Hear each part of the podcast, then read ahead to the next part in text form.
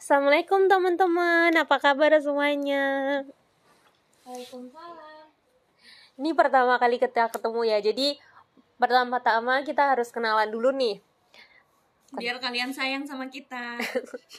Diperkenalkan nama aku Dayatul Mardiah, panggil aja Daiyah atau kalian kalau mau yang singkatnya kayak manggil Day gitu. Terus aku juga nggak sendirian, aku bawa temen. Siapa yo? Ayo kenalan Ada kak. yang kenal suara aku nggak? Panggil aja N gitu ya. Halo Kak En. Apa kabar Kak En? Eh, Alhamdulillah sehat. Kak Dai lagi sakit ya. Ya minta doanya ya Siapa teman-teman. Jadi malam ini Jumat 6 Mei. Wah, Jumat banget nih, guys. Kita bakalan bicara apa nih, Kak? Hmm, Mau bicarain I wanna be me. I wanna be me, me, me. Ya. Oh, dari lagu itu ceritanya. Na na na na na na ni kaya na na na na na na na na na. Ya, udahlah, udah udah udah, udah konser yang- ntar. Hip-hopers yang mau ini nih naik turun doang. Udah. Mau hijrah tapi eh Eh, ya Allah, astagfirullah doanya. Aku bukan doa, aku sedang me- mengasih tahu keadaan kamu sekarang tuh seperti apa, biar kamu tahu kamu kamu harus melangkah ke mana. Di, aku mulai dulu ya. Jadi kenapa kita membawa tema ini? Aku mau cerita. Suka-suka kita lah. Aku mau cerita ini aku mau cerita pengalaman aku tentang gimana sih perjalanan hidup aku ketika aku tuh membawa prinsip ini kayak aku mau menjadi diri aku gitu. Aku nggak tahu sih itu aku mulainya sejak kapan. Jadi ketika itu apa ya? ketika itu tuh kayak I wanna be kan aku ingin jadi diri aku sendiri gitu aku nggak mau ikut-ikut orang lain gitu aku ingin unik dengan apa ya aku ingin unik aku ingin berbeda dengan yang lainnya gitu bener-bener kayak paham gak sih awalnya yang aku mau mikir kayak aku aku ingin jadi diri aku sendiri lama-lama aku jadi kepikiran aku tuh ingin jadi unik aku pengen berbeda jadi orang lain dan yang berbeda itu baru aku gitu kalau nggak kalau aku sama sama orang lain berarti aku belum jadi diri aku aneh banget sih konsep ini Sangat aneh. jadi apa Dan ya agak ber- agak berbahaya. Mm-mm. jadi apa sih namanya ketika ketika itu aku tuh jadi kayak mikir ketika aku kayak apa sih namanya I wanna be me itu kan jadinya kayak aku tuh pengen bener-bener ini ya apa sih namanya memperlihatkan kepada orang lain sebenarnya itu aku kayak gimana gitu. Aku bener-bener kayak nggak mau jadi orang munafik. Aku bener-bener kayak ya pengen ngasih tahu ke semua orang gitu loh bener-bener tanpa tanpa ini banget tanpa hijab banget gitu kalau aku tuh kayak gimana gitu. Nah ketika itu akhirnya salah kaprahnya itu aku tuh jadi beranggapan aku tuh harus memperlihatkan ke orang hal yang paling buruk dari aku. Kenapa? Biar orang-orang itu jadi kayak nggak kecewa sama aku ketika ngeliat buruknya aku. Karena mereka udah tahu aku buruk gitu loh. Jadi kayak ketika aku ngelakuin suatu hal yang salah mereka itu jadi kayak ah biasa daila daiyah gitu. Paham gak sih? Jadi kayak aku kayak nggak mau gitu ada orang-orang yang menaruh harapan baik ke aku habis itu aku kecewain itu aku nggak mau gitu. Jadi mending kayak mereka udah tahu buruknya aku. Jadi ketika aku buat salah mereka jadi kayak bisa ya udahin gitu ketika aku bisa ngelakuin hal yang baik ya udah mereka ngeliat aku kayak ya manusia aku juga gitu maksudnya bisa apa ya bisa ngelakuin hal yang baik bisa ngelakuin hal yang buruk gitu Oke lah kalau misalnya mereka mm, mereka ngeya udahin perbuatan buruk kamu. Tapi, tapi kalau misalnya mereka nyontoh keburukan kamu, kan makin jadi dosa jariah. iya itu salah satu tetap kayak gitu. Mm-mm, kayak gitu ya kayak gitulah. Itu cerita aku dulu ya. Dan itu berlangsung lama banget lama selama lamanya beneran parah banget sih ketika itu. Jadi aku tuh bisa dikatakan orang yang fasik. Fasik itu kan artinya ini ya orang yang terang-terangan melakukan Hmm. maksiat. Mhm. jadi ketika itu tuh orang-orang beneran kayak lihat aku bangga banget sih buat dosa kayak paham gak sih? Itu sakit banget parah guys digituin.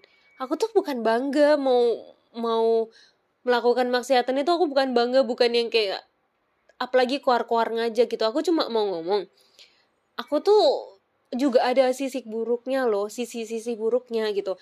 Yang aku mau kalian tahu aku nggak mau nutupin dari kalian aku nggak mau jadi orang yang apa sih namanya yang munafik gitu. Dan jadi orang yang pecundang yang sembunyi kayak gitu gitu. Aku mau ya udah lihat aja aku tuh kayak gini gitu paham gak sih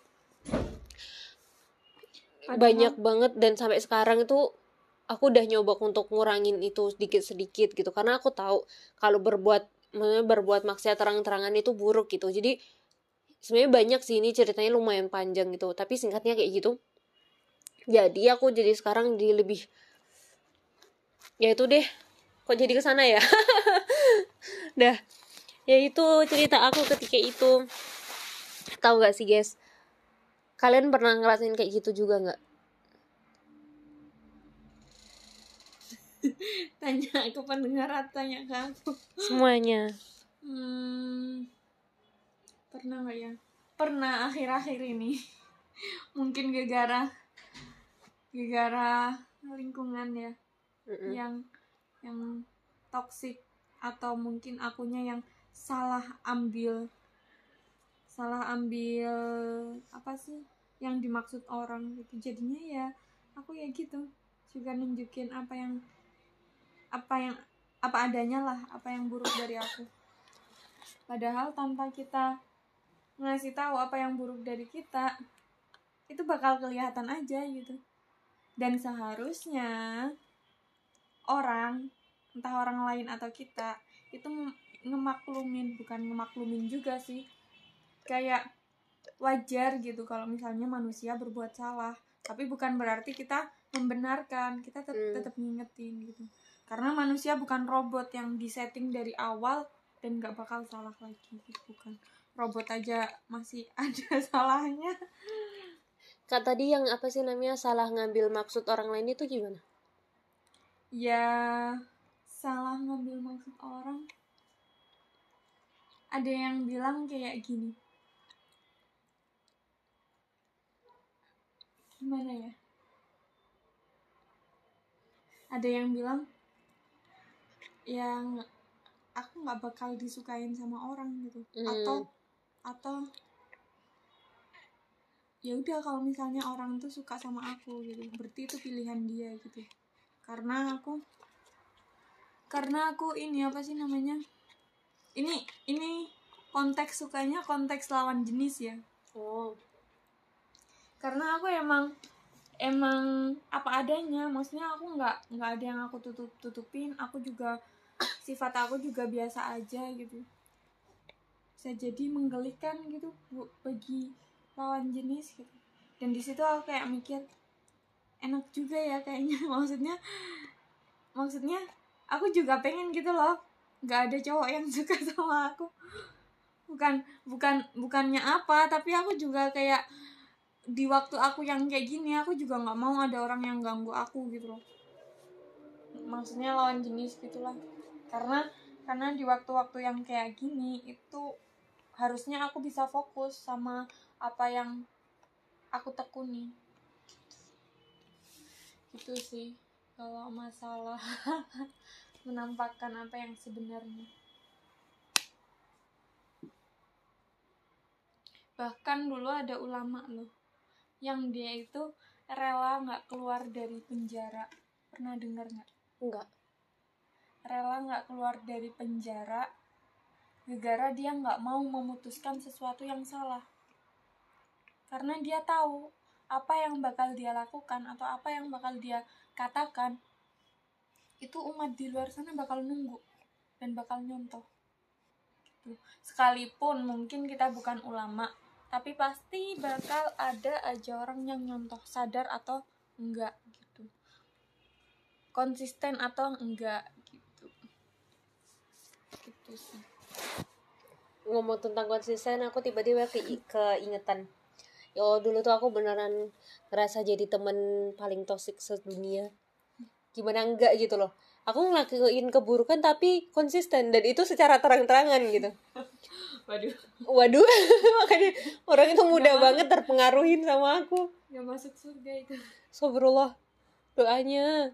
Enggak, maksudnya maksudnya emang ada hadisnya gitu loh. Barang siapa yang terang-terangan melakukan kemaksiatan, dia nggak akan masuk surga gitu. Bahkan baunya aja dia nggak bakal nyium. hmm nyesel banget. Banget. Itu hadis hadis kayak gimana ceritanya? Maksudnya ada cerita nggak aku aku nggak tahu itunya. Kan saya ingat aku aku pernah dengar kayak gitu. Enggak sih pernah. Iya sih dengar baca. Sekilas aja gitu soalnya dia postingan jadi aku nggak nggak yang baca sampai akhir atau baca banyak tuh enggak ya sih bener. Apalagi kalau misalnya aku sendiri ya aku tuh kalau udah ngeliat orang konsisten ngelakuin sesuatu tuh susah banget untuk gak ke bawah gitu. Entah itu baik entah itu buruk. Jadi susah banget entah nggak kayak paling nggak nggak punya kecenderungan hati gitu. Kalau emang aku nggak ngikutin paling nggak aku cenderung. Atau kayak aku jadi kalau Hmm. paling bawahnya lagi tuh jadi kayak biasa aja gitu. Ah, pasti kayak gitu sih. Ya gimana makanya kita kan juga kayak harus nyari-nyari temen yang bener kan. Biar dia maksudnya kita sama-sama saling nguatin di jalan yang bener juga gitu bukan teman yang salah dan akhirnya sama-sama nguatin jalan yang salah gitu dan masalah yang tadi menampakkan keburukan Mm-mm. itu kan sebagai salah satu termasuk salah satu bentuk dakwah kan Mm-mm. iya sih bener dan ngomongin tentang dakwah ada beberapa orang yang ngerasa nggak pantas nggak nggak pantas buat dak dakwah atau nggak pantas buat nyerukan Islam gitu mungkin karena dia ngerasa ilmunya kurang atau ngerasa dia ngerasa apa yang dia pahamin itu belum sepenuhnya dia dia lakukan kan Mm-mm. sebenarnya nggak gitu juga kan Mm-mm. dakwah mah dakwah gitu karena dakwah sendiri amal sendiri gitu. Jangan sampai karena kita amalnya belum sempurna akhirnya kita nggak dakwah. Ya jatuhnya nanti dua-duanya dosa gitu. Ya bener-bener karena beramal itu wajib berdakwah juga wajib gitu. Meskipun ada kan yang di Quran eh, ada kan ayat di Quran yang juz awal-awal? juz 28 awal-awal juga ada. Yang kayak mereka tidak melakukan apa yang mereka katakan gitu gak sih yang yang ini seingat aku al-baqarah juga ada kok hmm, lima apa lima lataf alun bim apa sih Aku taunya yang juz 28 tuh. Kabura maktan indallahi an taqulu ma la taf'alun. Ya. Allah mem- membenci atau kabura itu apa ya? Kayak beneran marah besar lah kepada orang yang mengatakan apa-apa yang tidak dia kerjakan.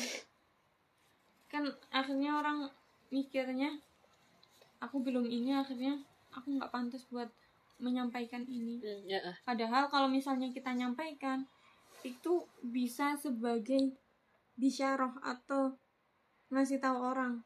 Aku ngasih tahu kamu ini, kamu juga ngingetin aku ini ya. Karena aku belum sempurna gitu. Ya, nggak sempurna. Gitu. Kan memperbaiki diri dan dakwah kan bisa bareng-bareng. Mm-mm. Kenapa harus salah satu? Karena kalau misalnya orang udah mulai mikir nggak pantas buat dakwah atau nggak pantas buat ngingetin, itu bahaya banget. udah udah kalau misalnya coba bayangin semua orang mikir kayak gitu, ya nggak bakal ada orang yang menebarkan kebaikan. Bener sih PR kita banget tapi emang sih kadang tuh malu banget soalnya kalau misalnya kita apa ya ngingetin orang tapi kita ngera- tetap ngelakuin itu gitu rasanya kayak tekanan batin tuh gak sih Nah, karena tahu te- ada tekanan batin atau rasa malu, harusnya kita kan ini. jadi semangat untuk Mm-mm. melakukan perbuatan baik ya Mm-mm. ya benar Kalau enggak, ya kita bilang aja ke orangnya. Ih, sebenarnya aku enggak aku- sebenarnya aku juga masih kayak gitu kalau misalnya emang itu larangan ya dalam bentuk larangan. Ya udah nanti kalau aku kayak gitu ingetin aja gitu. Mm-mm. ya Allah ya Rob.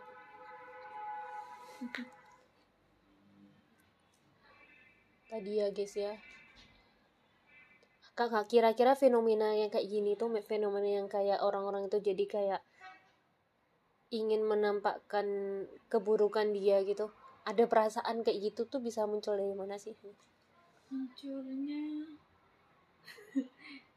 munculnya dari mana ya? Ingin menampakkan keburukan.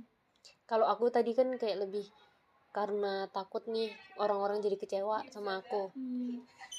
makanya aku jadi gitu dong ah bisa aja nih. Selalu deh kamu capek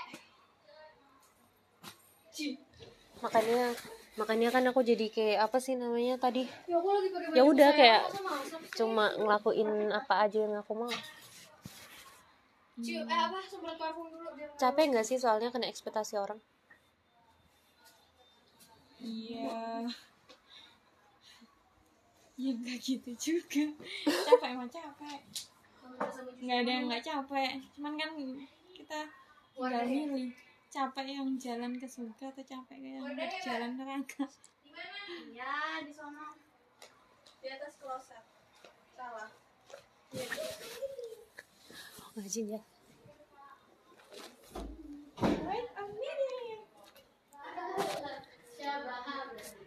Ntar ya guys, ganti tempat.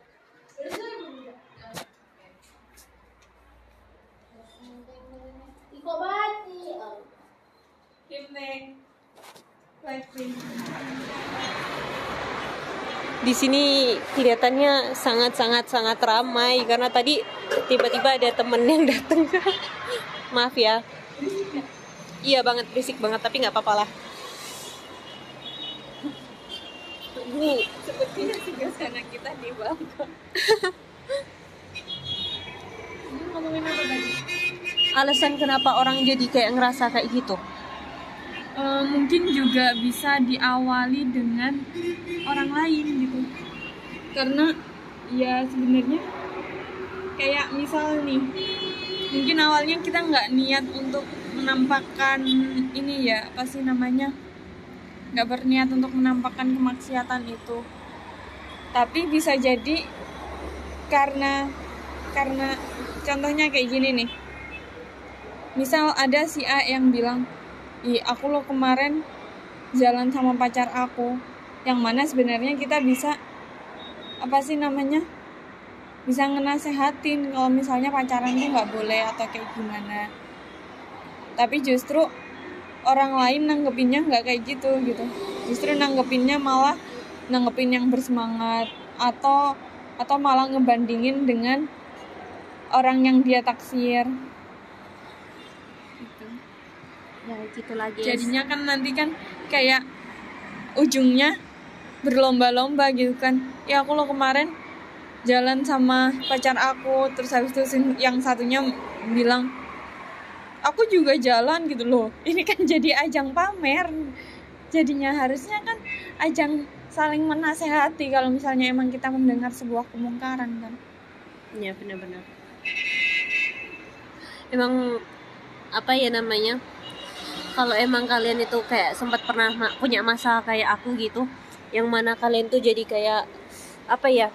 Pengen lihatin buruknya kalian karena kalian nggak mau nggak mau berkomitmen, kalian nggak mau kena ekspektasi tinggi sama orang. Ingat gitu, kalian setiap mau ngelakuin apa- apa-apa itu tujuannya apa gitu kan kita emang kayak mau ketika mau ngelakuin sesuatu tujuan kita kan lillah ya ya udah cukup cukup mikirin kayak ini tuh bisa meng- sifat aku yang seperti ini tuh akan menghantarkan kepada ridho Allah atau tidak gitu. Bukan mikirin gimana pendapat orang gimana tanggapan orang gitu.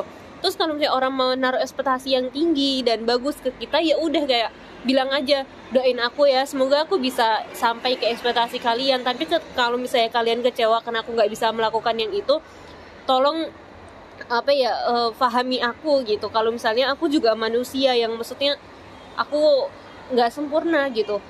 Kita sama-sama lah kayak berjuang yang terbaik gitu untuk mengejar akhirat kita gitu. Kayak gitu guys. Soalnya kalau misalnya apa ya kalian ketika ngerasa oh ya tadi kan kita bahas tentang I wanna be me ya. Atau apa sih namanya? Saya, saya, saya. aku lanjut yang ngomong tadi belum selesai. Jadi kalau misalnya kalian ngerasa ngerasa apa sih namanya kayak takut tuh dibalik lagi kalau kalian sampai ngerasa takut di iniin sama orang takut dikasih ekspektasi sama orang ya bilang gitu aja insya Allah ntar mereka itu juga bakalan bisa paham gitu. Kalau misalnya kita itu sama-sama manusia yang gak sempurna gitu. Terus yang tadi yang tentang pembahasan awal kita tentang I wanna be me itu tadi atau aku ingin menjadi diri aku itu bukan berarti kalian itu harus menjadi menjadi sisi terburuk kalian gitu. Bukan berarti kayak gitu jadi I wanna be me atau aku ingin menjadi diri aku itu sebenarnya kalian temuin jati diri kaliannya sebenarnya itu apa gitu. Yang kayak Kak Nela bilang tadi seorang muslim. Jati diri kita sebenarnya itu orang muslim gitu. Dan sebenarnya kita nggak perlu perlu nyari-nyari lama karena dari awal kita tahu kalau misalnya kita beragama Islam jadi jati diri kita udah pasti orang yang muslim atau tepatnya tadi muslimah karena kita perempuan gitu. Nah dan apa ya dan sebagai muslimah kita tahu banget dong apa sih kewajiban kita apa yang seharusnya kita tinggalin terus apa yang harusnya kita perbanyak apa yang seharusnya kita persedikit dan apa yang seharusnya tuh kayak ya udah biarin dia tuh lewat aja di kehidupan gitu. Jadi apa yang wajib apa yang haram ada apa yang sunnah apa yang makruh dan apa yang mubah gitu. Bahkan waktu itu aku pernah denger ya jadi para sahabat itu beliau itu melakukan hal yang mubah itu cuma satu per sepuluh doang loh kak wow. Bayangin satu per sepuluh. kita sembilan dari sepuluh. Ya Allah sedih banget sih. Itu beneran kayak satu per sepuluh gitu. Mereka ngelakuin hal yang mubah gitu. Ya bahkan kayak aku kalau mikir-mikir ya kayaknya masih ada gitu hal yang haram yang masih keserempet aja gitu aku lakuin gitu. Kok kayaknya ada yang hal yang wajib nih yang kayak kelupaan gitu. Kok bisa lupa? Itu kok bisa gitu? Harusnya udah jadi habit harusnya udah jadi kebiasaan yang mana aku harus ya otomatis aja lah ngelakuin hal itu gitu. Tapi, kebiasaan yang uh-uh. didasarkan pada keimanan atau Iya. akidah gitu kan. Kesadaran jangan- didasarkan oleh kesadaran karena jangan sampai kita melakukan kewajiban tanpa kita tahu sebenarnya kita melakukan kewajiban itu karena karena kesadaran kita bahwa kita itu seorang hamba. Benar Ya. benar benar. Itu betul nih betul banget tadi. Ya Allah itu nyesek banget sih dan aku tahu sekarang itu lumayan banyak banget. Dan kalian ya kalau misalnya ada orang yang bahas ini kayak apaan sih? Kayak maksudnya yang suka ngejudge atau apa pun itu gitu ya udah biarin aja gitu. Berarti mereka yang nggak paham kalau misalnya dan mereka nggak sadar diri kalau mereka manusia gitu. Jadi ya udahlah aku nggak minta kalian 100% tutup telinga karena ya namanya kritik ya kak ya. Itu pasti adalah ya baiknya bisa jadi kita juga kita juga manusia gitu loh yang kadang juga perlu saran dari orang lain gitu. Tapi ada kalanya kita itu cukup kayak ya disaring gitu sarannya terus habis itu kita apa bermuhasabah gitu. Kalau emang sekiranya kita salah ya kita coba minta nasihat lebih gitu dari orang yang udah udah eh, ngekritik kita terus bilang ya kak aku juga ngerasa aku kayak gitu dan aku sadar aku salah menurut kakak aku sekarang harus ngapain nih gini. Ini kan udah terlanjur nih terus aku harus kayak gimana gitu. Jadi kayak bisa kayak gitu gitu. Dan standar atau penyaringnya itu kan harus balik lagi ke Islam gitu. Kalau misalnya ada orang yang ngoceh A B C D E gitu harusnya harusnya kita kita ngelihat di antara A B C D E itu tadi mana sih yang benar-benar sesuai sama Islam kalau misal ada orang yang komen ih baju kamu kok gak berbunga-bunga sih, gak samaan sama kita. Apakah itu kritikan atau omelan yang perlu kita perhatikan? Apakah itu omelan yang perlu kita benar-benar ribut di situ atau fokus di situ? Kan enggak gitu. Tapi kalau misalnya ada yang bilang, ih gamis kamu, eh bukan gamis, oh iya bisa jadi. Ih gamis kamu kok pendek banget sih itu di atas mata kaki. Ya kita kembalikan gimana caranya. Kan tadi kan omelannya sama-sama tentang gamis satunya satunya tentang eh, gamis yang nggak berbunga satunya tentang gamis yang kependekan bahkan di atas mata kaki gitu. Kita lihat Islam mengatur yang mana? Islam apakah mengatur baju kita harus bercorak atau enggak? Kan enggak. Tapi yang ocehan satunya apakah Islam mengatur pakaian kita harus di bawah mata kaki ilal asfal sampai ke tanah gitu kan ya Islam mengatur itu. Jadi kita nerima ocehan yang mana itu sesuai Islam gitu. Mafhum nggak? Iya paham paham. Aku jadi keingat ini tau kak tentang gaya gaya berpakaian. Apa sih namanya? Eh, kan apa ya waktu itu waktu di Mesir sini nih waktu itu aku pernah keluar gitu bareng temen. Habis gitu ditegur kenapa? Waktu itu temen aku tuh kayak pakai jaket habis gitu tali di pinggang. Sebenarnya aku juga sering gitu kayak gitu. Tapi ketepaan aja nih aku lagi nggak bawa jaket ketika itu. Eh bawa kayaknya tapi aku pakai biasa karena aku nggak begitu gerah gitu. Jadi aku pakai aja. Biasanya kalau aku gerah itu udah aku lepas terus aku ikat di pinggang gitu. Habis gitu ada orang Mesir gitu kayak negur kita kamu bukan santri Azhar ya? Habis gitu kita bilang enggak kok kita di sini tolibah gitu. Kita pelajar gitu. Kita belajar di Al Azhar gitu habis gitu orang Mesirnya ngomong gini coba. Kok kamu nggak tahu kalau kayak gini nggak boleh? Sumpah itu jelek banget bayangin. Sampai posisi kita itu diragukan sebagai kita pelajar karena kita nggak tahu adab. Kalau misalnya mengikat jaket di pinggang itu kayak kurang asan gitu kurang baik gitu. Sebenarnya nggak nyampe haram guys. Nggak nggak nyampe haram cuma iya. Soalnya aku kayak mikir kan harusnya gamis itu dia ini kan pasti lurus kan kayak lorong. Tapi kayak kalau misalnya kita ngikatin sesuatu ke gamis itu kan jadinya nggak kayak lorong. Tapi sebenarnya dia kayak lorong kan maksudnya itu tuh sesuatu apa ya pakaian tambahan kan. Dia bukan gamis kan tapi aslinya gamisnya kayak gitu. Itu kan cuma tambahan doang. Yang mana makanya, kayak makanya aku pernah tahu. Uh-uh. ada tuh gamis yang dia ada karetnya tuh di belakang. Heeh. Itu dulu orang yang pakai kayak gitu. Kalau misalnya dia ngebentuk. Heeh. itu disuruh lepas. It- ya iya sih. Tapi maksudnya di tali kan sebenarnya nggak ngebentuk nggak ngebentuk ngebentuk juga. Soalnya apa sih namanya? Pertama kan jaket kita kan bukan jaket yang kecil gitu kan kak. Jadi kalau di tali ya kayak masih tahu kan jaket di tali kayak masih oh, masih nekuk-nekuk jadi longgar gitu loh. Belum lagi kita pakai kerudung kan. Jadi kita itunya nalinya di atas kerudung biasanya Hah, di bawah kerudung salah. Jadi ketutupan lagi nih sama kerudung. Jadi kalau misalnya dibilang ngebentuk sebenarnya nggak ngebentuk nggak ngebentuk juga gitu loh. Masih ya biasa banget gitu loh. Dan aku nge- ngerasanya itu nggak sampai nggak sampai nggak boleh banget gitu. Yo itu apa ya jadi keingetan perkataan guru aku gitu. Bang Fuad kayak Sajang Nim gitu. Kalau aku manggil biasanya. Sajang Nim itu waktu itu kayak nulis gitu di bukunya ada kalanya itu kita nggak perlu lagi mikirin halal haram gitu. Kita cukup kayak mikirin emang kalau misalnya kita ngelakuin kayak gini tuh cocok dengan identitas kita? Sumpah itu nampar banget parah nampar banget. Habis gitu Sajang Nim pernah ngomong dengan intinya sama dengan bahasa yang berbeda waktu AADK atau apa kayak pengajian gitu konser kayak gitu. Ada apa dengan Korea? Jadi Bang Fuad bilang kayak aku udah nggak lagi mikirin ini tuh boleh atau enggak eh ini tuh sebenarnya nyampe taraf taraf haram. Aku kayak gitu pak masih aduh aku lupa bahasa gimana. Pokoknya intinya aku nggak lagi mikirin ini tuh udah haram atau masih diperbolehkan. Aku sekarang udah mikirin apa yang aku lakukan ini bawa ridho Allah apa enggak paham nggak sih? Jadi sekalipun itu nggak haram kalau nggak bawa ridho Allah ya udah nggak nggak usah dilakuin gitu loh di ya Allah tuh nampar banget gitu. Ini kejadian itu tuh beneran kayak sampai diragukan identitas kita sebagai pelajar nih.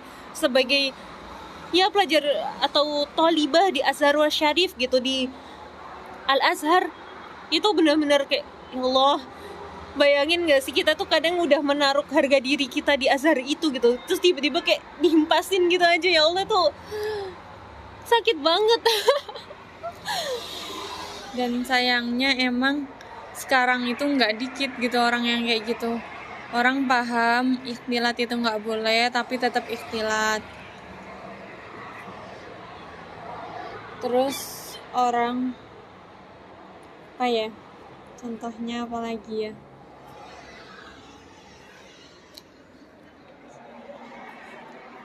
Contohnya apa kak? Oh ya selain ikhtilat apa nggak tahu. Banyak. Pending lagi guys. Contohnya yang tidak seperti bunga berarti mana yang syubhat mana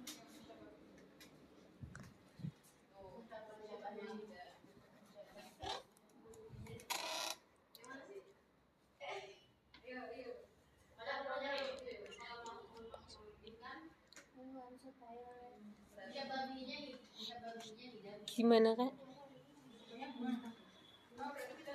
Wait a minute.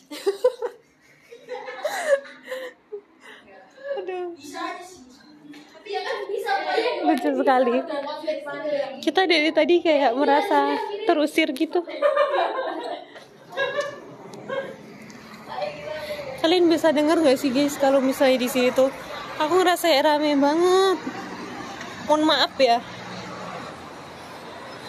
jadi apa kak tadi? Ngomong tentang apa ya ini tadi? Contohnya tentang istilah tadi apa? Ya itu ngebahas tentang ini siapa sih namanya? Ngebahas tentang eh sesuatu yang sangat disayangkan yang ada di masyarakat yang mana mereka sebenarnya mempelajari itu tapi mereka nggak mengindahkan atau nggak mengamalkan apa yang mereka pelajari. Yaitu tadi contohnya istilah kan pasti mereka juga belajar kan tentang istilah mereka harusnya belajar kan kalau misalnya istilah tuh nggak boleh atau pacaran atau berholwat gitu kan.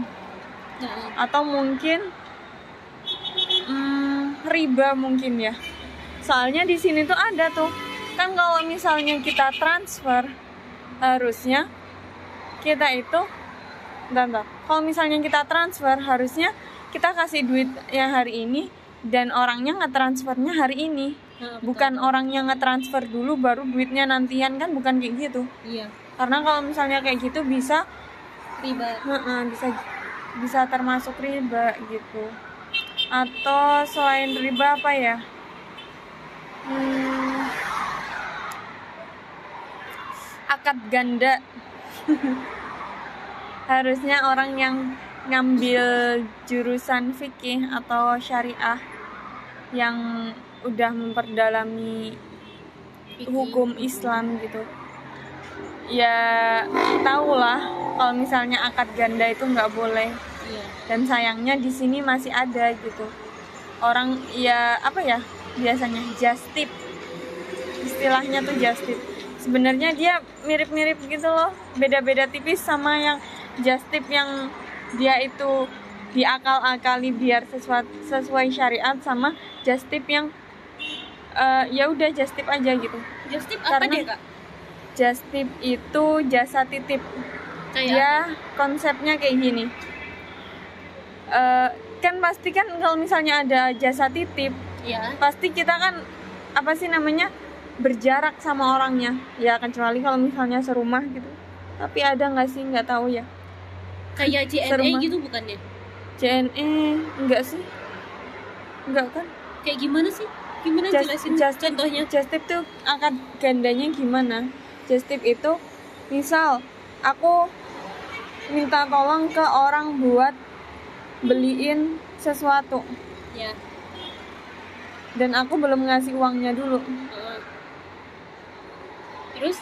Dan aku juga kan karena dia jasa titip aku juga harus ngasih jasa jasa hantar dia gitu loh. Ya dan dia tuh kayak gimana ya? Akad gandanya di mana? Akad gandanya itu di utang. Kan kalau misalnya kita nitip sesuatu tapi kita belum ngasih duitnya jadinya utang. Utang pertama. Kedua setelah eh, setelah akad utang itu juga didobel sama akad eh, ini jual beli heeh, jual beli jasa dia kan. Itu yang dimaksud akad ganda Oh jadi Gimana? just tip itu kayak gini, kayak misalnya aku butuh sesuatu, tapi aku nggak ada waktu nih, atau karena jarak yang jauh, jadi aku butuh seseorang untuk beliin itu karena aku nggak bisa beli sendiri kayak gitu ya kak. Habis gitu akhirnya kayak aku minta seseorang untuk beliin barang itu, tapi aku nggak ngasih uang dulu, jadi ntar dia itu yang beliin barangnya terus nganterin ke kita gitu kan. Dan dia beli barang itu makai uangnya dia dulu. Jadi kayak ini apa sih kalau misalnya di ini di Indonesia tuh yang kayak biasanya makanan Gojek-gojek biasanya. tuh. Heeh, yang kayak makanan gitu biasanya kebanyakan. Nah kayak gitu yang nggak boleh karena yang pertama yang tadi itu karena kita nggak bayar di awal ya kan ya? Heeh. karena kita nggak bayar di awal. Jadi kayak kita ngutang uang dulu ke orang yang mau kita titipin ini tadi. Terus yang kedua itu karena akad ugroh ya kan? Karena kita bayar ke orang yang kita titipin tadi. Jadi beda ya kalau misalnya kita titip ke temen gitu ya kalau misalnya temennya tidak menetapkan apa sih namanya uang jasa dia Mm-mm. ya udah ya udah enggak gitu. Nggak jadi ya Misal satu nih, akad ya mm, misal nih kita serumah kita serumah sama orang. Mm-mm. terus habis itu orangnya mau keluar. Terus akhirnya kita nitip. Kita nitip kita kasih duitnya terus dianya balik. Ya udah di situ ya udah akad nitip doang. Dan di situ nggak ada apa-apa kan. Iya. nggak ada utang juga kan. Nggak ada nggak ada jasa titipnya juga kan. Terus, kalau misal ini kalau kita ngutang gitu ke dia tapi kita nggak ada nggak ada bayar untuk jasa ya kadang kan misal kayak gitu ya. Ada ada temen yang lagi di luar terus habis itu kita nitip. Nitip dong beliin ini beliin coklat misal. Pakai duit kamu dulu ya gitu. Terus pas dia balik kita bayar deh duit coklatnya itu. Ya udah itu akad utang doang gitu. Iya benar nggak ada akad jasa kan di situ. Iya. Aku jadi keingetan tadi kan aku sempat nyebutin JNE ya. Iya kan? Itu apa sih namanya? Setelah dengar penjelasan dari kakak itu ternyata kayak ya beda gitu. Kalau JNE itu dia gak ada akad utangnya. Jadi kayak kita jadi kita yang beli gitu. Nyebutin merek banget nih ya nggak apa-apa lah. Jadi kayak kita beli kita beli terus dia cuma ngantor aja gitu. Jadi akadnya cuma angkat pengantaran doang. Nggak ada akad ngutang nggak ada akad jual beli atau apa pun itu jadi akadnya cuma akad ugoroh doang pengantarannya aja. Kalau JNE iya. Kan maksudnya ini aku beli ke suatu toko. Udah aku bayar tuh di toko itu barang aku Oh. ya kan? Mm-mm. habis gitu kan si tukang antarnya itu kan cuma ke JNE habis gitu bawa barang itu ke rumah aku kan? Habis gitu aku tinggal bayar uang aja ke tukang antarnya tadi. Terus yang nggak termasuk akad ganda juga, misal, eh misal kita, kita ini nih, kita jual sesuatu, Mm-mm. jadinya kita jual bukan nitip sih. Cuman Hmm. ada yang bilang itu nitip gitu. Ada misal ada coklat, misal aku kayak nyediain ada coklat, ada susu, ada ada biskuit gitu. Dan di situ aku terain harganya gitu. ya udah itu namanya jualan meskipun aku belinya dari orang lain gitu ya iya benar-benar tapi jadinya bukannya jualan sama jasa antar gitu ya kak? Biasanya kayak gitu kan kalau nggak jasa antar tuh kalau nggak ditanggung si penjualnya ditanggung ditanggung sama si pembelinya kan. Ya udah bayar langsung COD jadi bayar aku di tempat. ini aku jadi kepikiran dia nggak jadi dua ding. Soalnya kan dia jual belinya ketika mereka udah bertemu. Ya kan? Hmm, sebenarnya mereka jual belinya bukan ketika itu. Jadi akadnya itu setelah antar itu. Jadi setelah bareng. Jadi kayak kita datang ketika orangnya datang ke kita terus kita kayak bayar ujroh dia datang habis itu kita baru kayak melakukan transaksi jual beli kan. Hmm, jatuhnya gitu. Ya nggak sih? Bisa juga.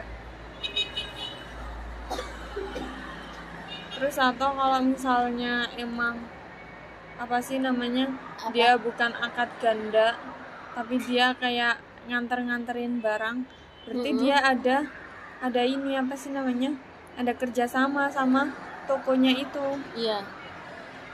Jadinya kan yang bayar dia kan bukan si Kita. pembeli. Mm-mm. Nah, tapi yang punya toko itu. Hmm, dan tokonya pastinya melebihkan harganya kan? Iya karena benar buat bayar si penghantar tadi. Kok jadi bahas itu kan ini ya kayak apa sih namanya?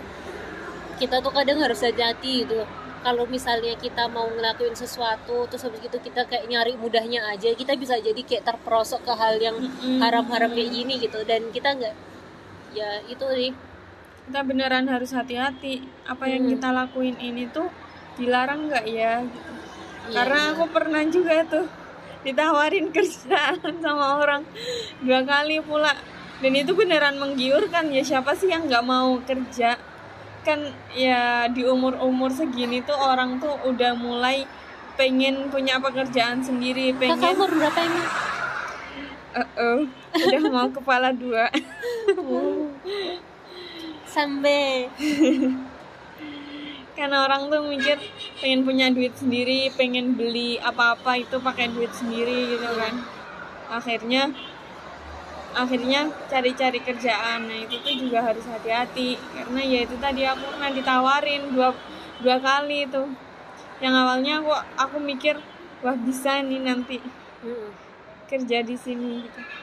Eh taunya dan dan emang kayak kelihatan gampang banget gitu loh. Sebenarnya aku rada, agak was was gitu. Cuman aku mikir nggak apa-apa lah Terus, lam- i- itu yang tawaran pertama habis itu tawaran kedua kok kok mirip ya modelnya model kerjaannya model apa sih nih perputaran perusahaannya itu.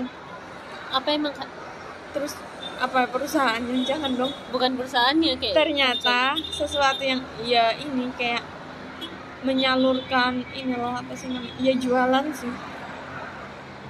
Ternyata di situ tuh mengandung MLM ya udah deh ya udah deh langsung deh. Tolak ya? Hah, tolak aja gitu.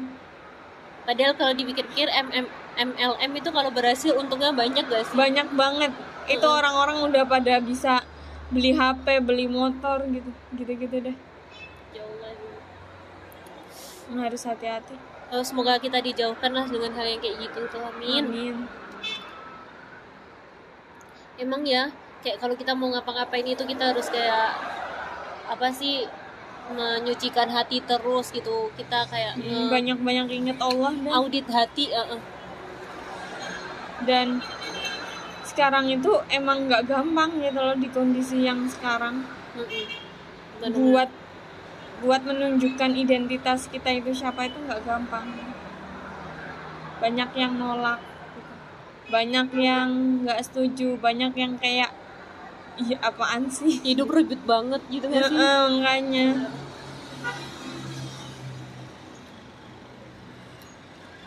Hmm. itulah guys. Emang ya dunia tuh cobaannya banyak banget. Kita harus kuat-kuat. Bismillah.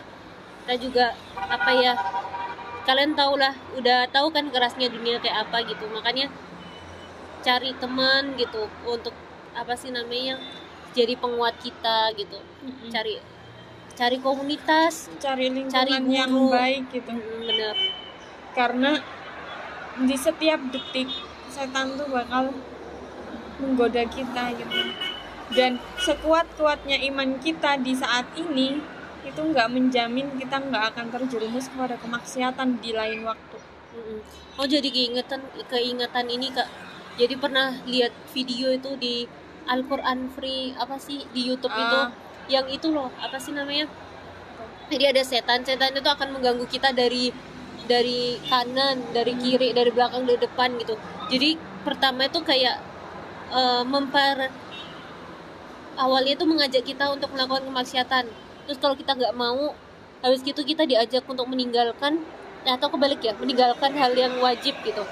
Terus kalau kita nggak mau, terus kita tuh kayak kita dipersulit melakukan hal yang baik. Eh, gimana sih? Pokoknya endingnya tuh kita jadi kayak hal yang buruk itu sama setan itu kayak dibuat indah gitu. Tuh habis gitu kita kalau nggak mempan kita tuh kayak dikasihin dimunculkan keraguan di hati kita di jalan keimanan ini gitu. Pernah Iya. dengar gak sih kak? Aku agak Ya, lupa sama sebenarnya urutan di- hadis itu. kalau hadisnya nggak tahu cuman sebenarnya di Quran sendiri juga udah dijelasin sih kalau misalnya Gak tahu setan sih juga itu itu Quran apa hadis. setan itu bakal memperindah sesuatu yang buruk jadi aku dulu ngebayanginnya itu coklat yang isinya tai ya Allah.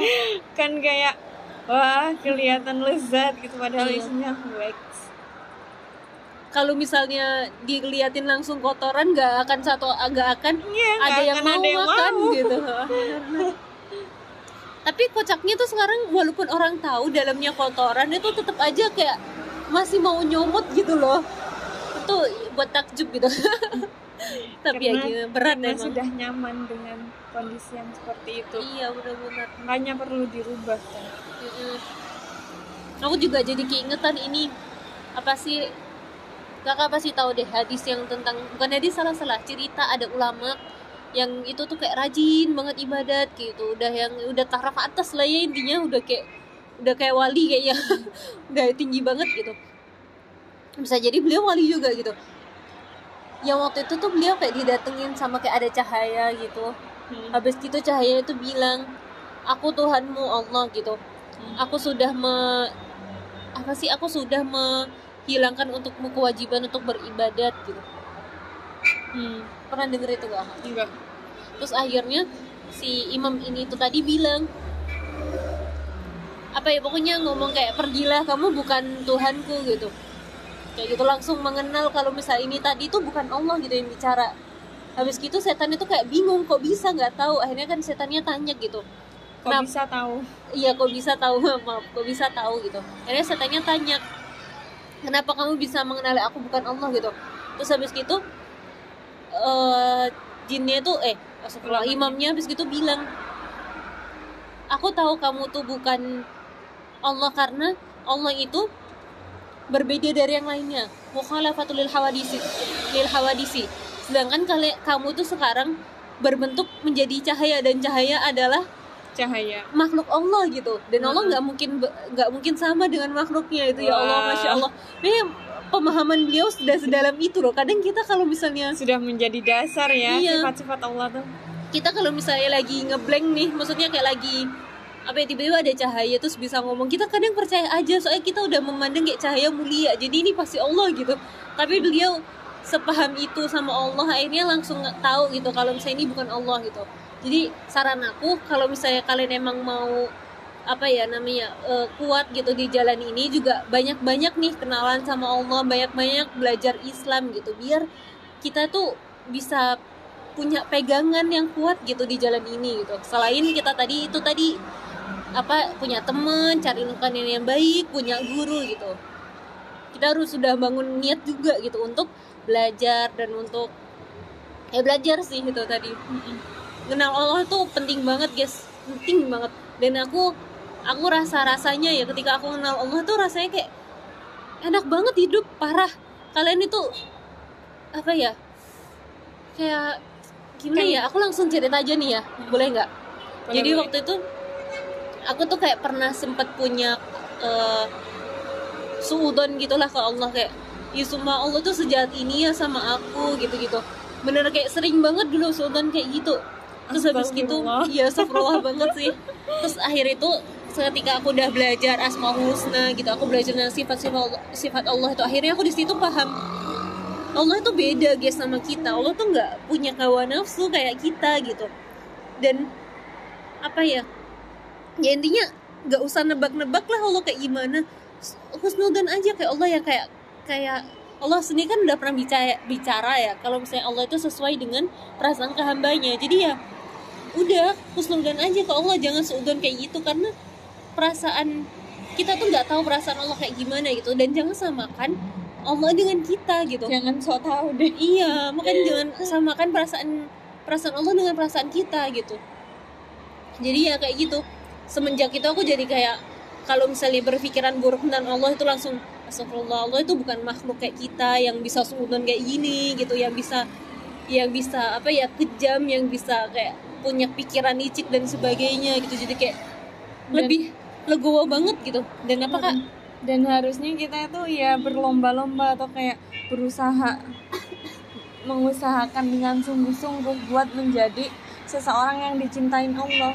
Karena Iya. kalau misalnya udah jadi ses- seseorang yang dicintain Allah udah deh beres dunia ini. Dan ya udah deh kita itu keper- eh, ke- eh, kepercayaan kita itu kita taruh ke Allah gitu loh. Iya benar-benar jadi kita nggak bakal khawatir tentang sesuatu yang mungkin terlihat buruk di mata manusia gitu.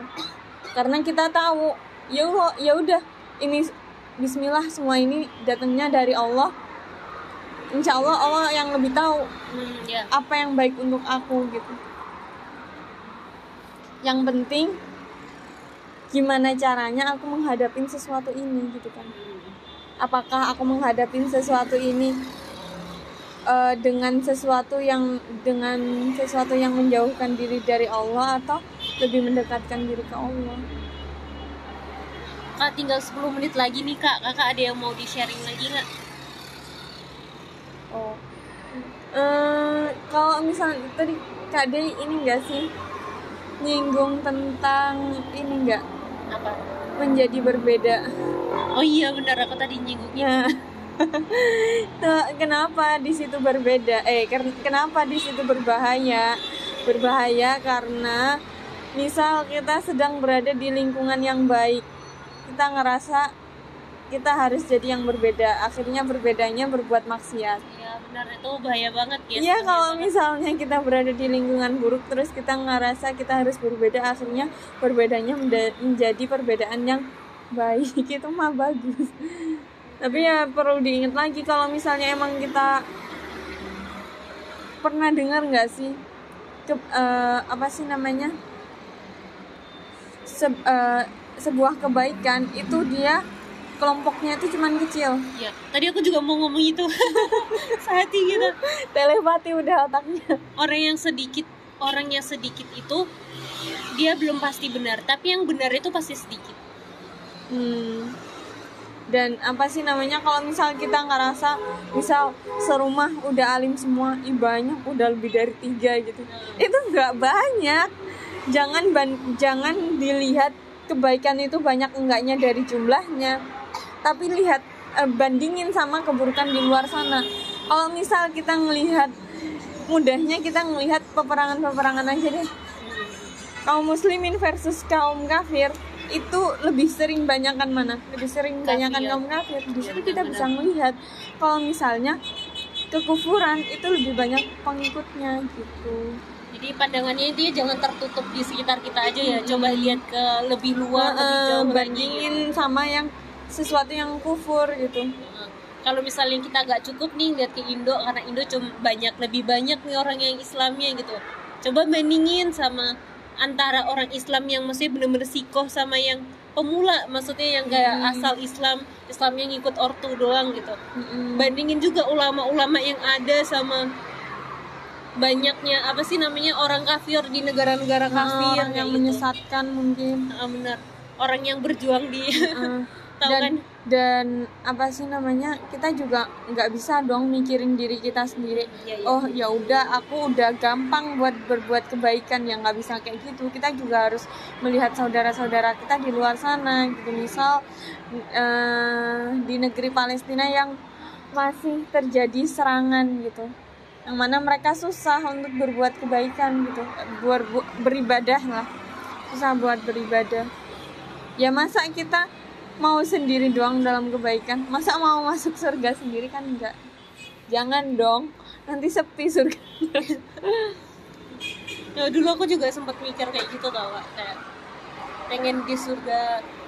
Maksudnya surga itu pengen buat aku aja gitu ya. Oh sombong banget ya. Wah padahal dikatakan nanti kalau udah kesepian gimana cara caranya coba nolong orang yang di neraka? Ya, iya. Bener waktu itu aku kayak pernah udah pernah denger gitu kalau surga itu luasnya selangit bumi eh seluas langit dan bumi gitu. Terus aku dengan egonya pengen hidup di sana sendirian. Emang ya manusia tamaknya bahaya banget. Tadi kan temanya apa sih? I wanna be me ya? Iya. Kalau misalnya disimpulin nih sebelum akhir soalnya biar orang-orang tuh dapat kesimpulannya apa sih dari I wanna be me? Kakak mau tah kemudian aku aja nih oke. Jadi kesimpulannya itu pertama apa ya kalian jangan apa sih namanya sebenarnya ini per, masih panjang tapi kita bisa lanjut lagi di part kedua gitu. Tapi untuk hari ini maksudnya untuk yang rekaman ini sementara nyampe sini aja gitu. Dari yang sebelumnya itu jadi kayak cukup. Kalian itu jangan nyimpulin kayak I wanna be I wanna be me itu bener-bener kalian apa ya jati diri tuh kalian tentukan sendiri paham gak sih guys? Soalnya maksudnya kita sebelum gimana ya ngomongnya? Kalau jadi bingung. Intinya kayak ya kita semua udah tahu gitu kalau kita orang Islam dan jati diri kita itu orang Muslim gitu. Jadi kalau misalnya I wanna be me itu harusnya aku harus bagaimana seharusnya aku bisa menjadi muslimah yang sebenar-benarnya gitu. Bukan I wanna be me-nya lebih ke kan aku punya ego berarti aku harus nurutin ego aku dong bukan yang kayak gitu gitu. Bukan yang apalagi yang kayak "Oh, aku harus jadi diri aku yang si jadi uh, bentuk diri aku yang paling buruk karena uh, apa sih namanya karena apa ya karena karena aku nggak mau ngecewain orang aku pengen jadi sisi aku yang paling buruk. Ya ben yang kayak gitu tuh banyak alasan kan pasti gitu. Karena apa ya karena biar aku bisa leluasa melakukan hal keburukan gitu.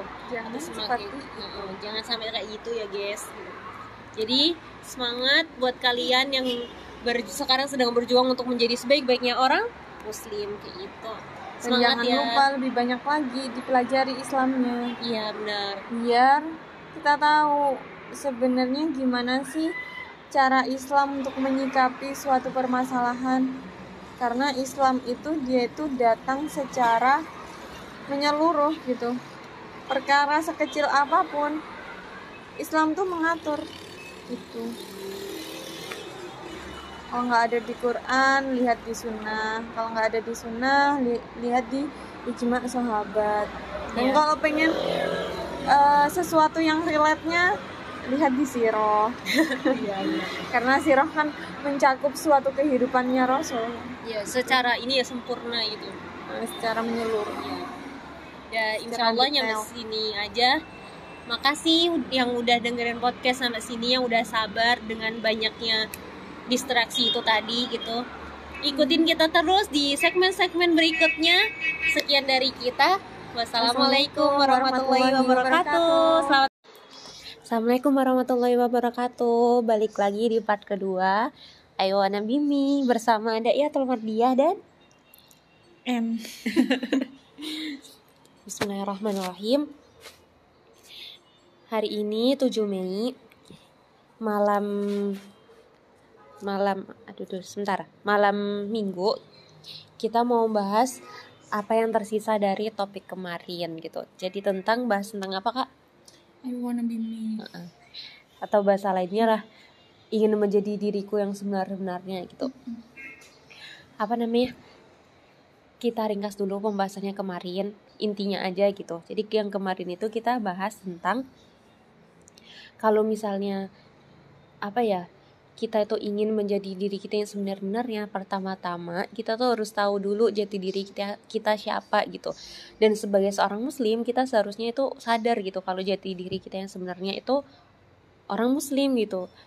Yang mana kita tuh apa-apa ketika maksudnya mau melakukan sesuatu harus terikat dengan hukum syara gitu. Jadi kalau misalnya kalau misalnya apa sih namanya ditanyakin siapa kita? Ya kita orang muslim gitu. Harusnya kita kayak apa? Ya harusnya bertindak seperti seharusnya orang muslim bertindak gitu sesuai apa yang diperintahkan oleh Allah dan apa yang udah dilarang oleh Allah kayak gitu. Gimana caranya? Kemarin udah bahas kan itu? Mm-mm. harus banyak-banyak belajar agama di apa namanya kedekatan sama Allahnya. Di tingkat ditingkatin banyak-banyak mengenal Allah. Gimana sih bahasanya kok banyak-banyak mengenal Allah? Ya intinya itulah. Kan kita identitasnya tadi kan dibilangnya seorang muslim gitu. Ya gimana caranya jadi muslim?